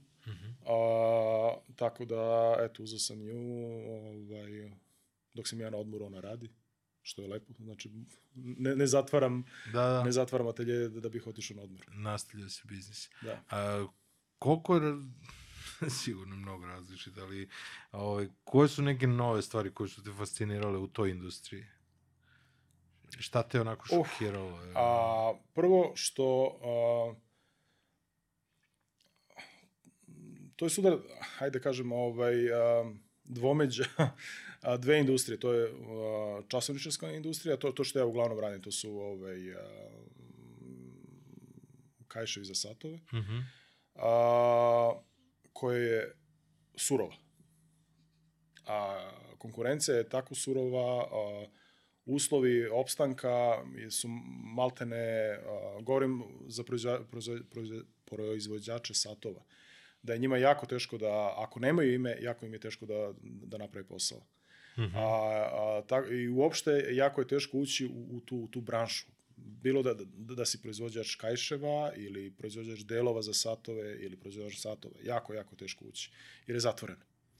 A, pogotovo ako imaš rusko ime i prezime, onda, onda je a, stvari a, još teže. Mislim, a, ja sam pokušavao i da napravim i kontakte, negde je tu upalilo, negde nije. Ovaj, a, oni, obično, tamo gde, je, gde su ti kontakti kao upalili, gde su mi ljudi kontaktirali nazad, to su bili stranci opet. Da li su bili Nemci koji žive mm -hmm. u, u Švajcarskoj ili su tu bili Kinezi koji žive u Švajcarskoj ili Francuzi koji žive i rade u Francuskoj, ali nisu bili Švajcarci. Mhm. Međutim, sada ovaj, a, a, ljudi su čuli. Čuje se ono, ovaj, to je upravo ono word of mouth marketing, ljudi čuju ovaj, da, da ima tamo neko, neki ludak koji radi ovaj, kajševe ručno još uvek. Mhm. Ovaj, znači nije serija svaki rađen posebno, ovaj, a, sa a, visokog kvaliteta i on, onda dolaze za male serije, za specijalne ovaj, kupce, klijente. Mm -hmm. Počeo su da dolaze. Ali treba vremena, treba ovaj, Znaš kako, kako se, i to je, to je vrlo tačno da prve dve godine 70% biznisa zatvori.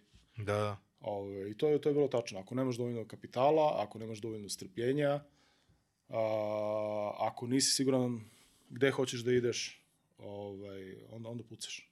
Mm. Mislim, nije tajna i, i, i, i meni se vrtelo hiljadu puta od ok, zašto ja ovo radim?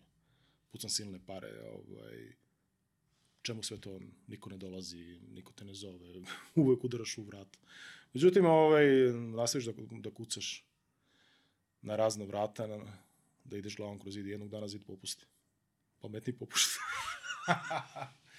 Pa da, to, to razumem, ali ono, već vidim da, da polako ti, ono, i količina prosto radova koji si do sada uradio je već Jeste dosta oho, je velika, baš da. velika i svako može da nađe verovatno nešto, ali, znaš, nije da imaš, da ima ono shop pa da nešto može da se kupi, ali imate Ne. neke ono standardne proizvode koje imate na, na lageru, Da. ovaj, ili Imaju to ono, standardni na poručbenu. Sve je na poručbinu, imaju neki standardni modeli, recimo kajš Mhm. za pantalone. Mislim, tu ne, ne- nemaš baš mnogo ovaj, izbora, možda na, imaš dva modela i to je to. Ovaj, Samo razliku u broju rupa. u razliku u broju rupa, da. A, ovaj, a, slično ti je i za, i za kajševe, i za satove, mada njih ne... A, imamo kao neki mali web shop, ali preko njega sam mm -hmm. samo prodao pet kajševa. Tako da mi, da mi to Kako, nije ko je glavni kanal prodaje? Kako te kontaktiraju? Instagram, a? Instagram. To svima sada. Da. Ovaj, tu mi ljudi kontaktiraju, pitaju, zainteresuju se. Mm. -hmm. Obično kada objavim neki post, što sam radio za neke od ovih uh, indie watchmakera, mm. -hmm. pošto ih dosta kolekcionara prati, onda, onda kaže, aha, ti si radio za njega, Aha, i postoji indie scena. O da, o da. O, ona, ti je, ona ti je top sada. Razvaljuju ovaj, momci, ovaj, inovativni su, nemaju legacy, ovaj, prave ono što, ono što im se ovaj, svidi, slušaju šta, šta kolekcionari. U principu cela industrija satova živi od kolekcionara. Aha, aha. Ovaj, Pošto meni je to poprilično nepoznat teren. Mislim, znam koji su glavni igrači. Mm, ogromna, otprilike, ali- ogromna kinta se vrti tu, ovaj, to, je, to je strava. Aha. To je strava. Pa i to mi je super interesantno, mislim, evo sad baš je kolega jedan pričao o, znam priču od ranije, kako je Rolex, on rekao, mi smo u industriji luksuza, ne u industriji satova, znaš, ti ne možeš da napraviš, ka, šta je on rekao jednom, da je rekao kao, najskuplji mehanizam za sad bi trebalo košta oko 350 eura, sve ostalo mm. je luksuz ime, Jest. prepoznatljivost, A, sve neka ove priča. poznate, poznate marke, recimo kao Rolex, kao Mnogo Omega. daleko od mikro. Aha, izvinjam se. A nosi ga sa sobom, slobodno si ti, ovaj, Ove, sve ove a, poznatije, šta znam, Ademar Piguet, Mhm. a, Rolex, Omega, oni svi a, voze istu varijantu mehanizma koji su izumeli pre 50 godina. Znači, to su male, male razlike. Ove, ako pogledaš koji su novi modeli, ama svi su isti. mhm. Znači, a, što se Rolexa tiče, oni su ti a, bukvalno mas producent, a, najveći proizvođač satova na svetu. Oni ti negde oko, oko, oko milion a, i, i ne znam koliko hiljada satova izbace razno raznih modela. Zlatnih, običnih, a, najpo, najpopularniji Submariner. Ali, ovaj, a, pravo da ti kažem, a, meni nije jasno zbog čega njihov sat toliko košta. Ok, market, marketinška, ovaj, Zbog imena. zbog imena, što ga svi hoće, znaš, ono kao tržišna cena. Inače, a, ovaj, čak i rezervni delovi, delovi su im užasno skupi, mada ih oni, oni prave lopatom. Ovaj, onda se napravi fama. Ima, ima jedna, jedna dobra knjiga, to ću ti ovaj, proslediti, a, kako, kako a, firme koje rade luksuz, šta ja znam, Herme, Rolex i ostali, kako, kako pristupaju marketingu. To je totalno, sve što znaš o marketingu zaboraviš prvo. Unlearn first. First unlearn, da. I onda ovaj, kako, kako, se pravi, kako se pravi demand, kako se pravi fame. A, to nije da oni imaju problem da, da proizvedu satove, oni ih imaju. Nije nikakav problem da, da proizvedu satove, nego prave, prave veštačku potro, ovaj, potražnju. I to diže cenu gore. I ostale. A, posle ću ti ovaj, baš uh, koja je knjiga. Ajde. E, bilo mi to, to mnogo važno e, i znaš šta mene interesuje? Mene interesuje šta se desilo na tržištu kad se pojavio Apple Watch. A, na, na tržištu satova ništa. A, Apple Su to Watch... odvojeni, to Yes, odvojeno tržište? Totalno. Ovaj, a, a, oni koji uzmu Apple Watch, to je u principu ga tretiraju ili zbog treninga ili, ili zbog mode. Ti koji kupe Apple Watch, oni nisu kolektori a, i oni nisu zaista zainteresovani za satu. Onaj koji je zainteresovan za mechanical watch, on nikad neće uzeti Apple Watch kao alternativu a, mehaničkom satu. Jer a, nije fazon kod mehaničkog sata da je on precizniji, da je on bolji. Nije. Ovaj, svaki, svaki kvarcinjak je najjeftiniji, onaj od 5 dolara kvarc je mnogo bolji, mnogo precizniji i duže će da traje nego bilo koji mehanički sat. A, a stvari u tome što ti kad imaš mehanički sat na ruci, ti imaš state of art. Uglavnom ovi kol- kolekcionari, ok, ne kažem da je Rolex state of art, ali ovaj, Rolex je state of, of industrial art. Zbog toga što su oni napravili takav proizvodni proces gde, gde, gde, sve fa, fantastično funkcioniše. Mhm. A, ako ti uzmeš nekog, šta je znam, uh, Jackson, uh, Jacob, uh, Jacobs and Company, uh, Bugatti recimo, od, od njih sad, koji je sad u dijamantima i ostalo. Jeste to bling bling, ali ti tu imaš uh, uh, uh, puno uh, artiz, uh, art, uh, umetničkih de- detalja od, od obrade di, uh, dijamanata, rubina i ostaloga, a, a, znači taj, taj nakitarski deo, satovi su po, potpuno rađeni od nule, ovaj, tako da ti imaš u principu state of art. Jeste bling bling, ja ga ne volim, ali to je definitivno state of art. Znaš zašto me interesuje? Interesuje me zato što kad je Jobs došao u, Mm. u Apple, on je rekao imate previše, imamo, ok, ok. O, imate previše proizvoda, dajte mi, on napravi onaj čuveni kvadrant, kao hoću dva desktopa, jedan je za obične korisnike, jedan za profesionalce, i hoću dva laptopa, jedan ono, ultra prenosni, znači, bukvalno sve, sve proizvode na četiri proizvoda, sve, sve računare na, na, na to. A, dok je on vodio celu priču sa telefonima, to je bilo relativno malo proizvoda. I negde krucijalni moment razvoja Apple-a u jednu onako širu priču je po meni bio sat. Mm. Gde si ti upravo, zato, zato meni je ovo interesantno pričam sa tobom, upravo zbog tih narukvica. Mm. Jer si, kod Apple-a se videlo da drugačije tretira sat, bez obzira što je tehnološki mm. uređaj, a, drugačije tretirao sat, jer si ti valjda u, u inicijalnoj priči valjda imao 18 narukvica. Mm. Mm. A posle su to podigli na neki 30 i nešto. Kao, svaka osoba kao na svetu ima drugačiju narukvicu. Mm. Kao i može da, na, da konfiguriše svoj sat drugačije. Zato me interesovalo da li se uh, ja kapiram da je to različito tržište, mm. ali me interesuje ja nisam uspeo da razumem to i znaš, taj, taj osjećaj ljudi kako? kojima je uh, narukvica važna za sat. A, znaš kako, ovaj, sve zavisi koja je narukvica, nije svaka narukvica. Ako uzmeš Hirschovu narukvicu koja je ono serijska proizvodi industrija, nećeš mnogo dobiti na, na, na izgledu sata. Međutim, ovaj, a, ono, ono što je, što je neka, ajde, moja filozofija, to je uvek ovaj, mojim klijentima kažem da, da je moj cilj a, i a, kako ja radim narukvice, a, kad radim custom, naravno, a to je da, da poboljšam vizualni izgled, sam, a, vizualni doživljaj samog sata. A, po meni a, narukvica treba, treba da, da, da odgovara satu.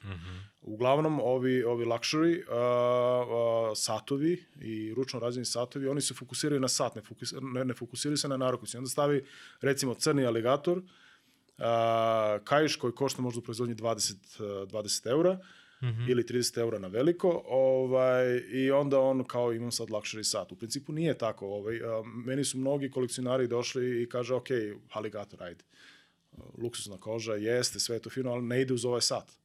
I onda ja njima napravim recimo od, od kravlje kože ili napravim od, od, od lososa ili napravim od, šta je znam, od, od čega, od, od dabra. Mm -hmm. a, tako da, da, sa nekim de, detaljima, tako da, da jednostavno narukvica postane vizualni deo deo sata. A, ovaj, I zbog toga ljudi dolaze Kako kod mene. se nabavlja koža od lososa i dabra? Pa od lososa imaš, šta znam, štabare u, Ins, u Irskoj, Čoveče. dabar, ma iz celog sveta stiže, stiže materijal. Ono, ono, ono što, što sam radio, ovaj, a, našao sam, što ja volim da, da, da nalazim razne, razne ovaj, tako materijale, zadnje što sam uradio to je bilo od drveta, ovaj, kajše, nemoj me pitaš Kaj še je drvet? Da, ali, ali mekani, Interesantno. fino, fleksibilno. Ove, pa našao sam način kako, kako da isfiksiram furnir tako da on bude, da, da ne puca, ovaj, da, da bude fleksibilan. Ovaj. Mm -hmm. Napravio sam, a, to sam nedavno uradio, jedan no, novčanak za jednog novinara i ovaj, par, par kajševa. Sad vidjet ćemo kako počnu da vrište, da puca, onda, onda ni- nisam našao pravu formulu, ali mislim da Sa, jesam. sasušio si furnir? Ne, ne, ne, ne. impregnacija furnira Aha. je bitna. Ovaj, a, a najčudniji materijal, kažem, ja volim da, da, da koristim razno razne materijale, je a, želudac od krave Ili ti škembić? ili škembić. Dobro. Međutim, ovaj, Praviš a, narukvicu od škembić. ovaj, kad uzmeš želudac od krave i okreneš ga, on, on ima onako kao sače izgleda. Znam, dobro. Kad se to sače osuši, znači prođe proces štavljenja i s- svega, to, to, to sače postane kruto. Međutim, ja onda uzmem nož podsečen, to maltene do dole i onda dobiješ fantastičnu teksturu, kao linijice po... Inače, vrlo, ovaj, taj želudac, ta koža želuca, taj je vrlo, vrlo snažan materijal, vrlo izdržljiv. Mm -hmm. I ovaj, a, kad sam napravio to prvi put, niko nije znao šta je. I onda kad im kažem, oni kažu, ne, ali izgleda fantastično. Oni su prvo misle da je to neka teška egzotika, da je to neka žaba, da ne, ne. Aha, aha. Ništa Pa jeste teško egzotika. Pa jeste egzotika, niko ne pravi toga, svi jedu. U, u, u Francuskoj to oni zovu ovaj, trip, tripe, i i ovaj, svi to jede. Tripice. I kod nas u nekim restoranima, samo što tripice su sve zajedno, valjda sa ovim, sa celim ovim, kako se zove, na gore, do, do dušnika. Aha. Mhm. Jer tripice su Jednjak, u stvari da. onaj, jednjak je to Mm. Sve. Tripice su u stvari onaj deo gde su, gde su ove bronhije. A, Mm. i onda se to sve zajedno. Mm. Zato s- i kod nas imaš negde tri pice sa parmezanom. Mm. A misliš da dobiješ tri pice. Tri pice. pa se zezneš. je. Prvi put sam tako naručio, ja sam Da. mislio da su stvarno. prvi Onda put, si čudo dobio. Prvi put se zezneš, sva Da. sreće, pa deo ekipe voleo baš do, dosta. Ovaj. Da. A drugi, drugi deo ovog, mog posla, ovaj, to je taj eh, luxury market. Dobro. I tu, ponovo, to, to je jako teško ući, ovaj, a, a, jer a, taj word of mouth a, a, radi jako sporo. Dobro. A, znači, tu možda uđeš kvali, a, jedino kvalitetom, a, ako misliš da, da, da ideš klasični marketing, tu, tu su potrebne enormne pare. Ovaj, to je razlog između ostalog zašto su Hermé, Gucci i ostali ovaj, Strava skupi za- zato što oni 70% ulaže, ulažu u, u reklame, indirektne reklame. Ovaj, naravno, ovaj, a, a naravno, ako, ti, ako, si, ako si mali, ne- nema šanse da napraviš to. Iako ti, re- recimo, moje torbe, moji, moji novčanici, paučevi su mnogo kvalitetniji ne, nego bilo Hermeovi ili, ili od, od bilo koje te ovaj, marke, a, međutim, ovaj, ja nemam to ime. I onda je tu mali problem. E sada, o, oni koji zaista znaju ovaj, da, da cene kvalitet oni dolaze i a, onda u principu radim a, samo bespoke, znači o, samo po narudžbini. A, torbe ne, ne reklamiram se, ali torbe radim samo po narudžbini. Mhm. I onda sedim sa, sa klijentom, onda pitam o, o, ovaj, šta će da nosi u toj torbi, ovaj, koji mu je stil, ili, da li nosi jakne, ili oblači se casual, ili je dressman, ili ovaj, tako da pokušam da, da, da, da iskopam informacije o lifestyle-u, Mhm. Znači, totalno drugi svet ne, nego, nego IT. Ali ono, ono što je, ono što je uh, vrlo slično kao u IT, u IT-u obično klijent nema pojma šta hoće. U, u, ako si sretan, onda zna šta neće, ali ovaj, uglavnom ne zna šta hoće. A, tako, je, tako je i ovde. Klijent obično ne zna šta hoće. Hoće torbu. Fino. Zašto će ti torbu? Da. A zašto hoćeš torbu? I onda, onda moraš da postaviš milion takvih pitanja. Onda, onda ja šaljem, šaljem workbookove. Obično nisu lokalni klijenti, nego su iz Australije, iz Amerike, odakle već. I onda šaljem ove workbookove gde šaljem, onda im šaljem uzorke materijala. Tu, tu može da potrebe meseci. Taj ping pong. A čekaj, reci mi, ovaj, kako tu ide sistem sa, sa tim preporukama? To, malo pre smo pričali o word of mouth. Word of mouth obično znači postoji osoba za preporuku. Mhm. To je, to je do duše mnogo bolje u, u, na malim tržištima. Jest. Na tržištima, jer obično postoje Jest. nekoliko osoba koje su ono, koje se pitaju za mišljenje. Mhm. I za, za preporuku i za savjet. Jeste, ovaj, a, nažalost, do, do tih osoba, recimo, kao, a, ja nisam još došao, međutim, a, ovi koji su zadovoljni, oni šalju svoje prijatelje.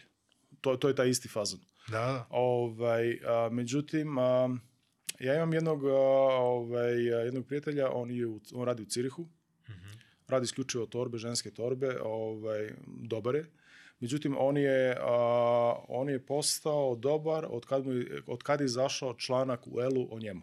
Mhm. I onda mu je krenulo. Znači, doći do, ove, do nekog novinara koji će da napiše u, u, u šta ja znam, u Elu, u Kosmopolitanu ili, ili, ili nekoj modnoj, modnom časopisu članak o tebi, to ti je ono, ovaj, boosti, booster Mhm. a, za, za uspeh. To je način kako da ljudi čuju o tebi. Ali može to da se izvede? Teško. Teško je doći do, do, do tih editora. A, zašto je teško? Zbog toga što, što ima, ima jako puno ljudi koji, koji rade nešto. Mhm. I, a, ovaj, i koji, koji um, su dosta glasni. A, ali je jako malo oni koji su jako dobri u tome. I onda to je ono, znaš, ovaj, šta je žito, šta je kukolj. Onda obično ignorišu dok ne čuju od nekog trećeg. E, slušaj, možda bi ti A bilo to, interesantno. to, to, to, to. Znaš. to. Znaš, tako da tu u stvari samo pitanje trenutka kad, kad Pitanje trenutka držanja, jest. držanja nekog nivoa kvaliteta i pitanje trenutka Jest. kad ćete provaliti. Jeste. Ko će, I- ko će da stavi oko, da će neko da prođe pored radnje i da vidi, a, vidite, ovo je zanimljivo. A šta vi radite? Ili, ili da te vidi na nekoj dobrotvornoj um, aukciji da vidi tvoj model. A možda se hakuje sistem.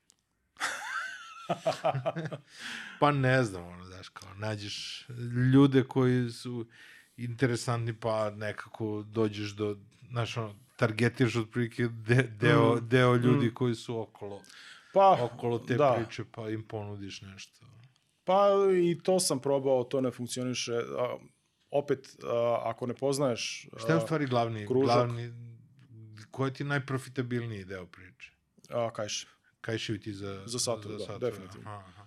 Imam, imam ove lokalce kojima, kojima radim ovaj, a, kajševi za pantalone, to, Mhm. je, to je isto dobar posao, ali odnosu a, uloženi rad, a, materijal, znači kost, Mhm. ovaj, i, i benefit je Mhm. najbolji na kajšima, taj odnos. Aha, aha. Da, to mi je su- super, onako, interesant. I na, na nekom super kvalitetnom satu, koliko, e, kako određuješ cenu? A, Prema imam, ima, ima, a, ne, ne, ne, ne, to, to me ne zanima, a i- a i mislim da to prema, prema klijentu ne bi bilo pošteno, mislim, šta je sad, Da. ako ima sat od, od pola miliona, to su njegove pare, ne, nije na meni da ga oderim. Ovaj, a, a, ja imam, a, sve zavisi šta radim. Ako radim standardni kajš ako, za koga mi treba sat i po da ga napravim, ja ću da naplatim sat i po, to je to. Šta Aha. me briga gde ga stavlja. Ako, ako ja- potrošim recimo šta ja znam za kajš odraže sa, sa nekim um, um, aplikacijama, sa 24 kartnim zla- zlatom što sam radio i, i ovaj, takve stvari, ako potrošim 8-10 sati da napravim kajš, mm -hmm. što je isto moguće, ovaj, onda će da plati 80, 8 ili 10 sati Aha. radnih sati. Tako da ove, na, um, mogu kajše da budu po 500 do 1000 franaka, otprilike. Aha. To, to su bile najskuplje koje sam, koje sam radio. Inače su obično tu negde oko 200. A šta, oderaže? Čovječe. Stingray. To ti je... O, To sam vidio, ono, kao imaš nešto kao ti često radiš sa Noem, taj deo kad sam pročitao, bio Mhm. mi je ono... a, to, noj, a, koža, Približi malo mikro. a, ovaj, koža od noja ti je ovaj, a, egzotika. Mhm. Svrstava se kao egzotika, ali nije na onoj CITES listi. Znači, nije na, na listi a, zaštićenih a, životinskih sorti, vrsta. Pa zato što se gaje. Ima ga, ovaj, drugo, ovaj, a, a, ja ne znam zašto, ali ne tretira se baš kao, kao ostale ovaj, luksuzne vrste kože, kao aligator, a, a, a inače je izuzetno, izuzetno izdržljiva koža i svi delovi mogu, mogu da, da se koriste. Ovaj, a, najviše se koristi onaj deo što ima, što ima ono od, od pera, one, one, one bumps, a, ovaj, a, kao bradavice. To su stvari bila pera. A, to se najviše koristi. ti- Goosebumps. Da. A, ti se delovi najviše koriste, međutim ja imam, imam, imam jedan brand u Švajcarskoj kojima radimo od ostalog dela, gde nema tih bumpsova ali gde je struktura kože fantastična. Ono, ove, ko, kao, kao da, da se sli, uzeo sliku sa, sa Marsa, sa onim, sa onim svim ovaj, prugicama i stavio, stavio na kožu. Ovaj, ima, ima fantastičnu teksturu. Za njih radimo od toga, to su obično bace. Mm -hmm. E onda je njima to dobro došlo, a ok, recycling i bla bla A čega se radi onaj ghost leather? A, Ghost Leather, a, to je obična teletina ovaj, gde imaš jednu boju, jedna je boja kože, a onda se nanese beli vosak preko toga. Aha. I onda kako radiš sa, sa kožom, taj se vosak skida i pojavljuje se ta, ta osnovna boja od dole. Skroz mi ludo izgleda. A, da, iz, izgleda ludilo. To Mislim, italijani ja volim ono crno-sivo i... Da, da, da, kao, kao, kao i crno. Ove, pa od, od svih kože koje imam na lageru, najviše imam brown i crne. Aha, aha. Znači, taj, U, u razno raznim varijantima. To je Sjajna, opet- polu mat, to je opet fora. I Pa jest. sve ovo ostalo, koliko tebi sad... E sad, recimo, ti sad radiš gomilu tog nekog ručnog rada, Mm. Ali imaš za društvene mreže, imaš za, za, za svoje neke promotivne materijale, za sam logo, ti se praktično vraćaš u sve ono što si znao pre 30 godina. Oda, oda, oda. I jako mnogo ti to koristi Jest. i za fotografije, i za grafike, Mm. i za, za sve živo. Ja koristim uh, jako puno CAD, ovaj, koristim uh, Inkscape za sve moje šablone. Mm -hmm. Imam, imam laserski kater Dobro. i od, od akrila radim sve paterne, Mhm. tako da ja ovaj, a, a, dobar deo dizajna ja uradim u glavi, on, on, onda, onda to prebacujemo u, u, u Inkscape i onda skaliram, gledam kako stvari stoje, radim kalkulacije i ostale stvari i ovaj, to izbacujemo. Moj logo sam ja napravio, A, sve leafletove ja pravim normalno bilo bi sramota da platim nekog vizit karte, znači sav taj print materijal, to, to radim sam, naravno pošaljem u štampariju, ali uradim kompletnu pripremu. Mm -hmm. Ovaj, a, I uopšte a, iskustvo iz štampanja, iskustvo čak i iz IT-a, ovaj, može, da, može da, da se primjene na neki čudan način ovde. Recimo, a, ja Šta dosta... iz IT-a? Šta iz IT-a? Mm. Kako organizuješ posao? Kako? Pa, a, kad si sam, mm. -hmm. znači imaš ograničen broj a, work hours, Dobro. a dobiješ mnogo posla. I onda radiš a, učešljavanje. Mhm. A Naravno, ovaj, a, pošto trebaš da sve to pratiš, ako, ako imaš, ako učešljavaš više od tri posla, onda može da bude haos. Ali recimo, ako dobijem tri naručbene kajševa, ja sva tri pripremam u isto vreme. I onda završam jedan po jedan. Mhm, mhm. Ima proces kako sam organizovao ovaj, tu proizvodnju, ali u svakom slučaju taj proces, recimo to iskustvo iz Kanbana, ja to primenjujem ovde. Mhm, mhm. Uh, da se vratimo na kratko na IT, Mhm. jako je veliko i na Vladimir Petrov, jel te? A, hoće mi pričaš još malo o imenu, koliko ti imaš problema po Evropi sa Vladimir Petrov? Pa nemam problema, ovaj, ali ljudi me malo čudno gledaju. Rusi me ovaj, zovu humanitarne organizacije, počnu da pričaju odmah ruski sa mnom, ovaj, dok ja njima objasnim da ja nisam Rus, da, da ne razumem ruski, ovaj, onda a, ne razumete ruski? A, ništa, onda doviđenja. Ruski jehovini svedoci me ovaj, saleću. Da, ovaj, a, Vladimir. ali ovaj, a, obično a, kada ljudi pređu onaj prag, onaj stranac i sve to, onda kad me pitaju odakle si ti, ja kažem to je komplikovano, ja sam mm. gde sam što sve žive, onda kažu jeste komplikovano. A vi niste Rus? Rekao, ne, ne, nisam. A razumete ruski? Pa rekao, "Pff, mogu da ga čitam, ovaj, mogu da ga razumem do nekle, ali ne znam da ga pričam. Duša slovenska. Da. Uh, A inače, ovi, ovi leathercrafteri iz Rusije, oni me, oni me zovu Deda Vova. To im je valjda Deda, Deda Mraz, valjda što imam a, aha, a, belu, belu bradu i ovaj i, i sa njima se uključujemo ovaj naravno uz prevodioca u te online se, sesije, ovaj tako pričamo isto intervju kao mm. kao s tobom, i tako ja s Rusima. A, pričali smo svoje vremeno puno o outsourcingu i tad si mi pričao o outsourcingu ukrajinskom, a, generalno o IT-u. Oni su bili dobri. Ukrajinski, ruski IT. Jeste. A, hoću, zato što mislim da imaš jedinstven onako pregled, čisto me interesuje mišljenje, ne mora da bude prognoza. Mm.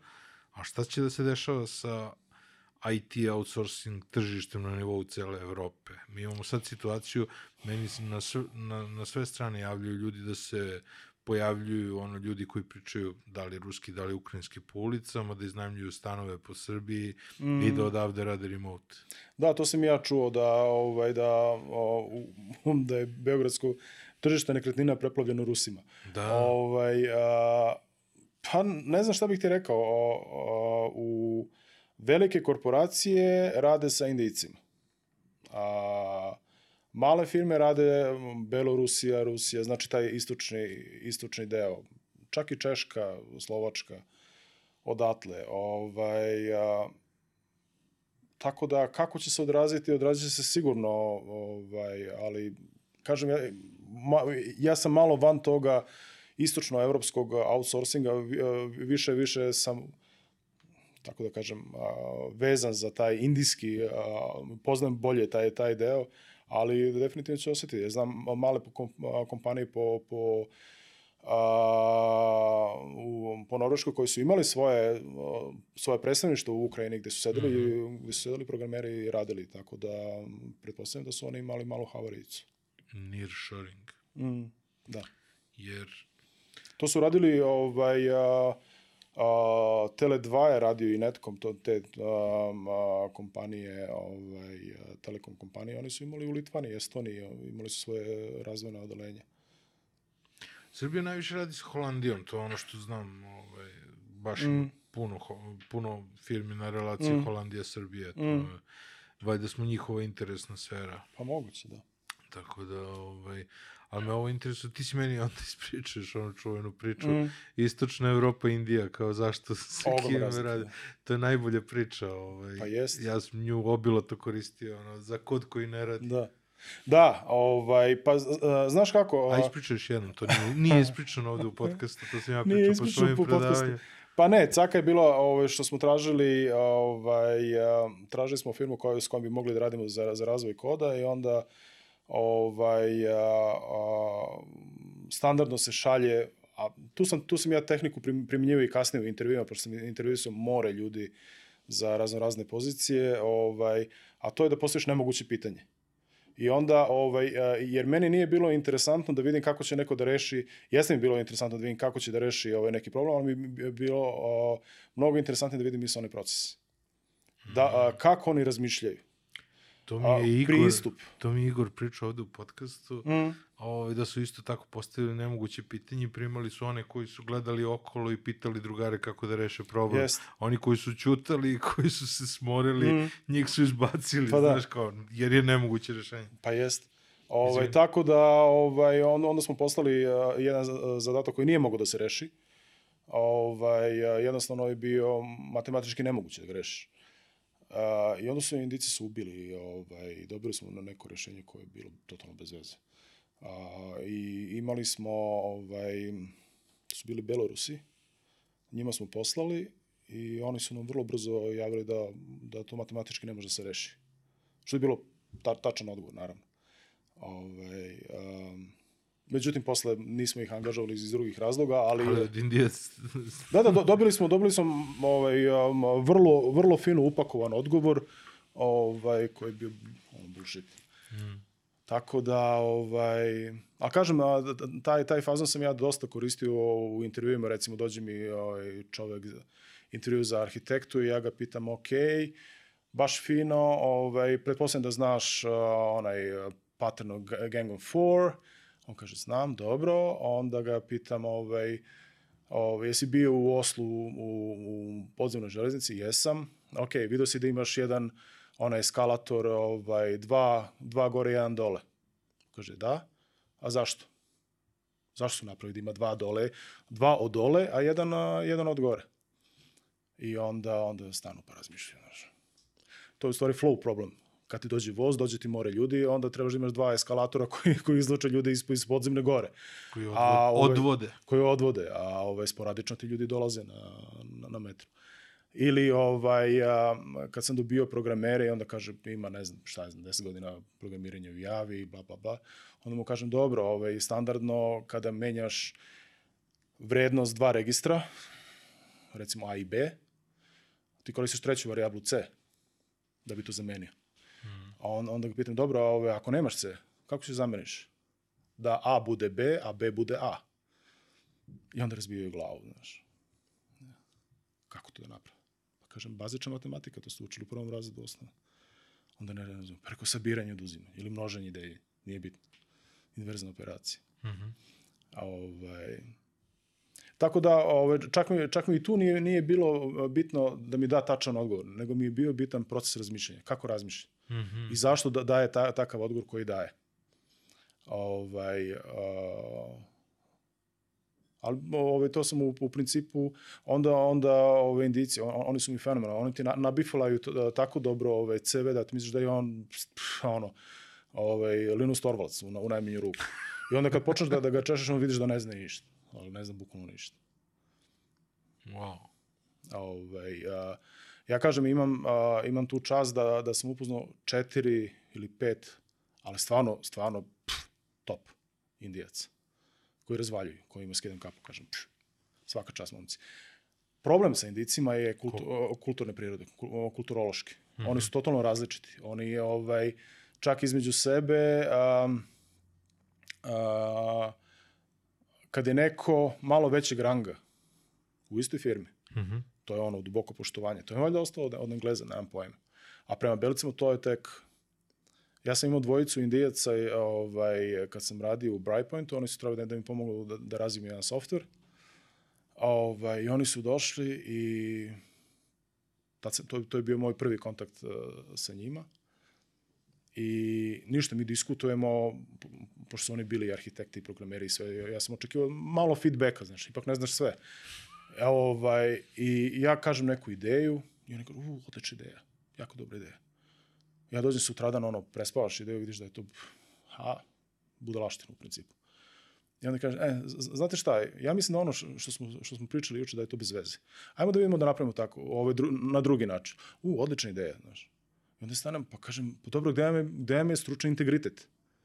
Ovaj, znam da znate, zbog čega, zbog čega mi ovaj, svaku moju budalaštinu vi kažete da je dobra ideja. I onda sam ih izdrljalo tako da, da smo dobili napokon ovaj, tu, tu neku stručnu debatu. Preformatirao si indici. Pa manje više, ovaj ta, ta, jedan jedan od njih ima ima jednu veliku ovaj veliku konsulentsku kuću, sada čak me nedavno pitao da, da radim sa njima, Aha. pa sam rekao da, da neću. Ali ovaj a, a, ono, ono što je bitno kod mene je da sam ih naveo da, da diskutujemo, da razmenjujemo mišljenja, a ne, ne da mi klimaju glavom, pošto meni to nije bitno. I to mi primećujem i sada u Novartisu ove more, more ima indijaca i onda isto je tako, znaš, ono, on, očekuju da je, da je sve objašnjeno, da ako nije, ako nije napravljeno, ako nije na onom papiru na, namenjeno, ako je malo sa strane, to ne radi, zbog toga što ne razumeju kako stvari rade. Ja u, u Novartisu radim sa sertifikatima, znači uh, Public Key Infrastructure, ovaj, i tu uopšte ljudi ne, ne, ne razumeju šta su sertifikati, kako rade sertifikati, ovaj, šta su javni ključevi, šta su tajni ključevi, mm -hmm. kako sve to, šta je, šta je sa to, Čemu to sve služi? čemu sve, sve to služi. U principu je jednostavno, ali sve u svemu ovaj, ne razume, nego. Prebrzo, prebrzo smo uletili u full tehnologiju, znači... Kao Mada- Društvo ne prati ono Ne, tehnološki razvoj. to je tačno. A s druge strane, kad pogledaš onako ona bird view, Dobro. ono što indici rade sada, u stvari ne rade sad, ra- rade zadnjih 15-20 godina, to je ono što su kinezi radili na, na polju tehnologije, na polju čipova, U ma, kom smislu? a, kompletan a, utilities, Dobro. services. Kinezi će, ovaj, indici će, će tu da zavladaju, isto kao što su Kinezi zavladali proizvodnjom za zapad, Proizvodnjom robe. proizvodnjom robe. Ovi, ovi uzimaju usluge. Jeste. A, ono, ono, ono što su Kinezi napravili, ovaj, ono što je njihova bila prednost, to je mnogoljudnost. Ima ih jako puno. Da, da, pa mogli su I bilo u Indiji je isti da... fazon. Isti je fazon. A, kad, ti, kad ti dođe ta o, indijska firma, šta je znam, Wipro ili TCS ili eh, H- HSL, a, oni imaju toliko mnogo ljudi, oni toliko upuste cenu a, i, u, i u tom moru ljudi imaju jednog dvoje koji su dobri, ovi ostali su ono roboti i oni uzimaju tržište. I postaju sve bolji, bolji, dobijaju bolje poslove, dobijaju no- nove tehnologije, obrazuju ljude. Isti fazon kao što su radili kinezi sa proizvodnjom roba. To ti rade oni sa proizvodnjom uslugama. Čekaj, recimo, a to što si mi pričao o Belorusiji, da su ti odmah vratili sa rešenjem, mm. zar, zar nije ta varijanta da s... Mislim, A, jel dolazimo do toga da, da je ipak kvantitet u, ove, ljudstva jest. u tom domenu važniji od kvaliteta usluge? A, ja sam ra- razgovarao sa, sa dosta CFO-a i ove, koji su u firmama koji su imali outsourcing između ostalog u banci, u osiguravajućim društvima u Norveškoj. Ja sam ih pitao, pa dobro, ajde, ovaj, ja razumem da imate taj short term Mm -hmm. benefits. Zbog toga što ti indijskog programera plaćaš 200 kruna recimo, a lokalnog plaćaš 1000. Dobro. Ja razumem to, ali ti imaš rework. Ti imaš još jednog projekt lidera lokalnog koga plaćaš isto 1000 kruna, koji mora ovome sve da, da, da objasni do tančina. Tako da ti taj benefit u principu a, na, na nekom srednjoročnom a, planu jednostavno pobegne. Potres. Nema ga. Ovaj, ne, ne, kao nije tako naše kalkulacije, jer, dobro. I onda ovaj, e, jedan koga, koga dosta dobro znam, posle par godina sam ga pitao, dobro, koji su vam benefiti? Pa, ništa, vraćamo sve, insourcujemo. Zbog toga što, su ukapirali, isto, isto banka gde sam radio DMB, a, oni su outsourcovali sve sem arhitekti. Arhitekti Dobro. su ostali, znači kao da imaju, da, da zadrže domain competence. I ovaj, kad sam ja otišao, onda su počeli lagano da vraćaju sve nazad. Znači da zapošljavaju u banci, da, da smanjuju outsourcing a, na najmanju moguću meru. Ovaj, oni koji su radili, koji su bili outsourcovani indici, ali su sedeli inside, oni su jednostavno bili zaposleni u, u DMB-u. Tako da ti indici koji su bili oni su dobili radne vize i sve i počeli da rade za, za, za DMB. Tako da su čak je ta koja je bila direktor tehnologije DMB-a dobila otkaz eh, kad su oni rešili da promene jer ona, ona, ona bila pokretač tog outsourcinga u banci, najveća norveška banka. Wow. Dobro, Vlado. Kad dolaziš ponovo? Uf, teško pitanje. Sada imamo ovaj rat, pa kad se on završi, bit će vjerojatno lockdown. Ovaj, pa vidjet ćemo šta će novo da nam smisle, tako da je to jako teško predvidjeti. Možda sledeće godine, vidjet ćemo. Dobro. Da, da napravimo redovno da svraćaš. Pa da, Pričamo šta ima novo. da te updateujem ne po pitanju IT-a, već Po, kože i po lakše. pitanju je. svega. Pa mene, ja, ja sam super, mene sve interesuje. Da, da, da. da. Pa jest. To je, to je najbitnije. Šetaš psa pa slušaš i, i ti slušaš podcast. Poslušam podcast, kad, kad god šetam psa, ta- tad imam mire, ovaj, o- onda oslušam iz dva puta dve šetnje psa, ja oslušam tvoj podcast. E, pa ekstra. Hvala ti puno. Hvala Pa se tebi. Vidimo sledeći put. Nadam se. Ekstra. Ćao. Hvala vam puno što ste gledali još jednu epizodu, još podcast 1. a Ovo je bila moja epizoda sa mojim prijateljem, mojim prvi, prvim, među prvim mentorima, Vladimirom Petrovim. A, linkovi do njegovog do profila njegovog ateljeja su u opisu ovog podcasta. Posjetite, vidite šta, šta to sve sjajno radi. Hvala našim sponzorima, Beans Coffee i MVP Workshopu. Hvala vam na podršci. Ukoliko vam se ovaj razgovor dopao, ostavite neki uh, subscribe, podelite nas s prijateljima. Vidimo se sledećeg četvrtka, slušamo se sledećeg četvrtka. Ćao, čao, bye bye.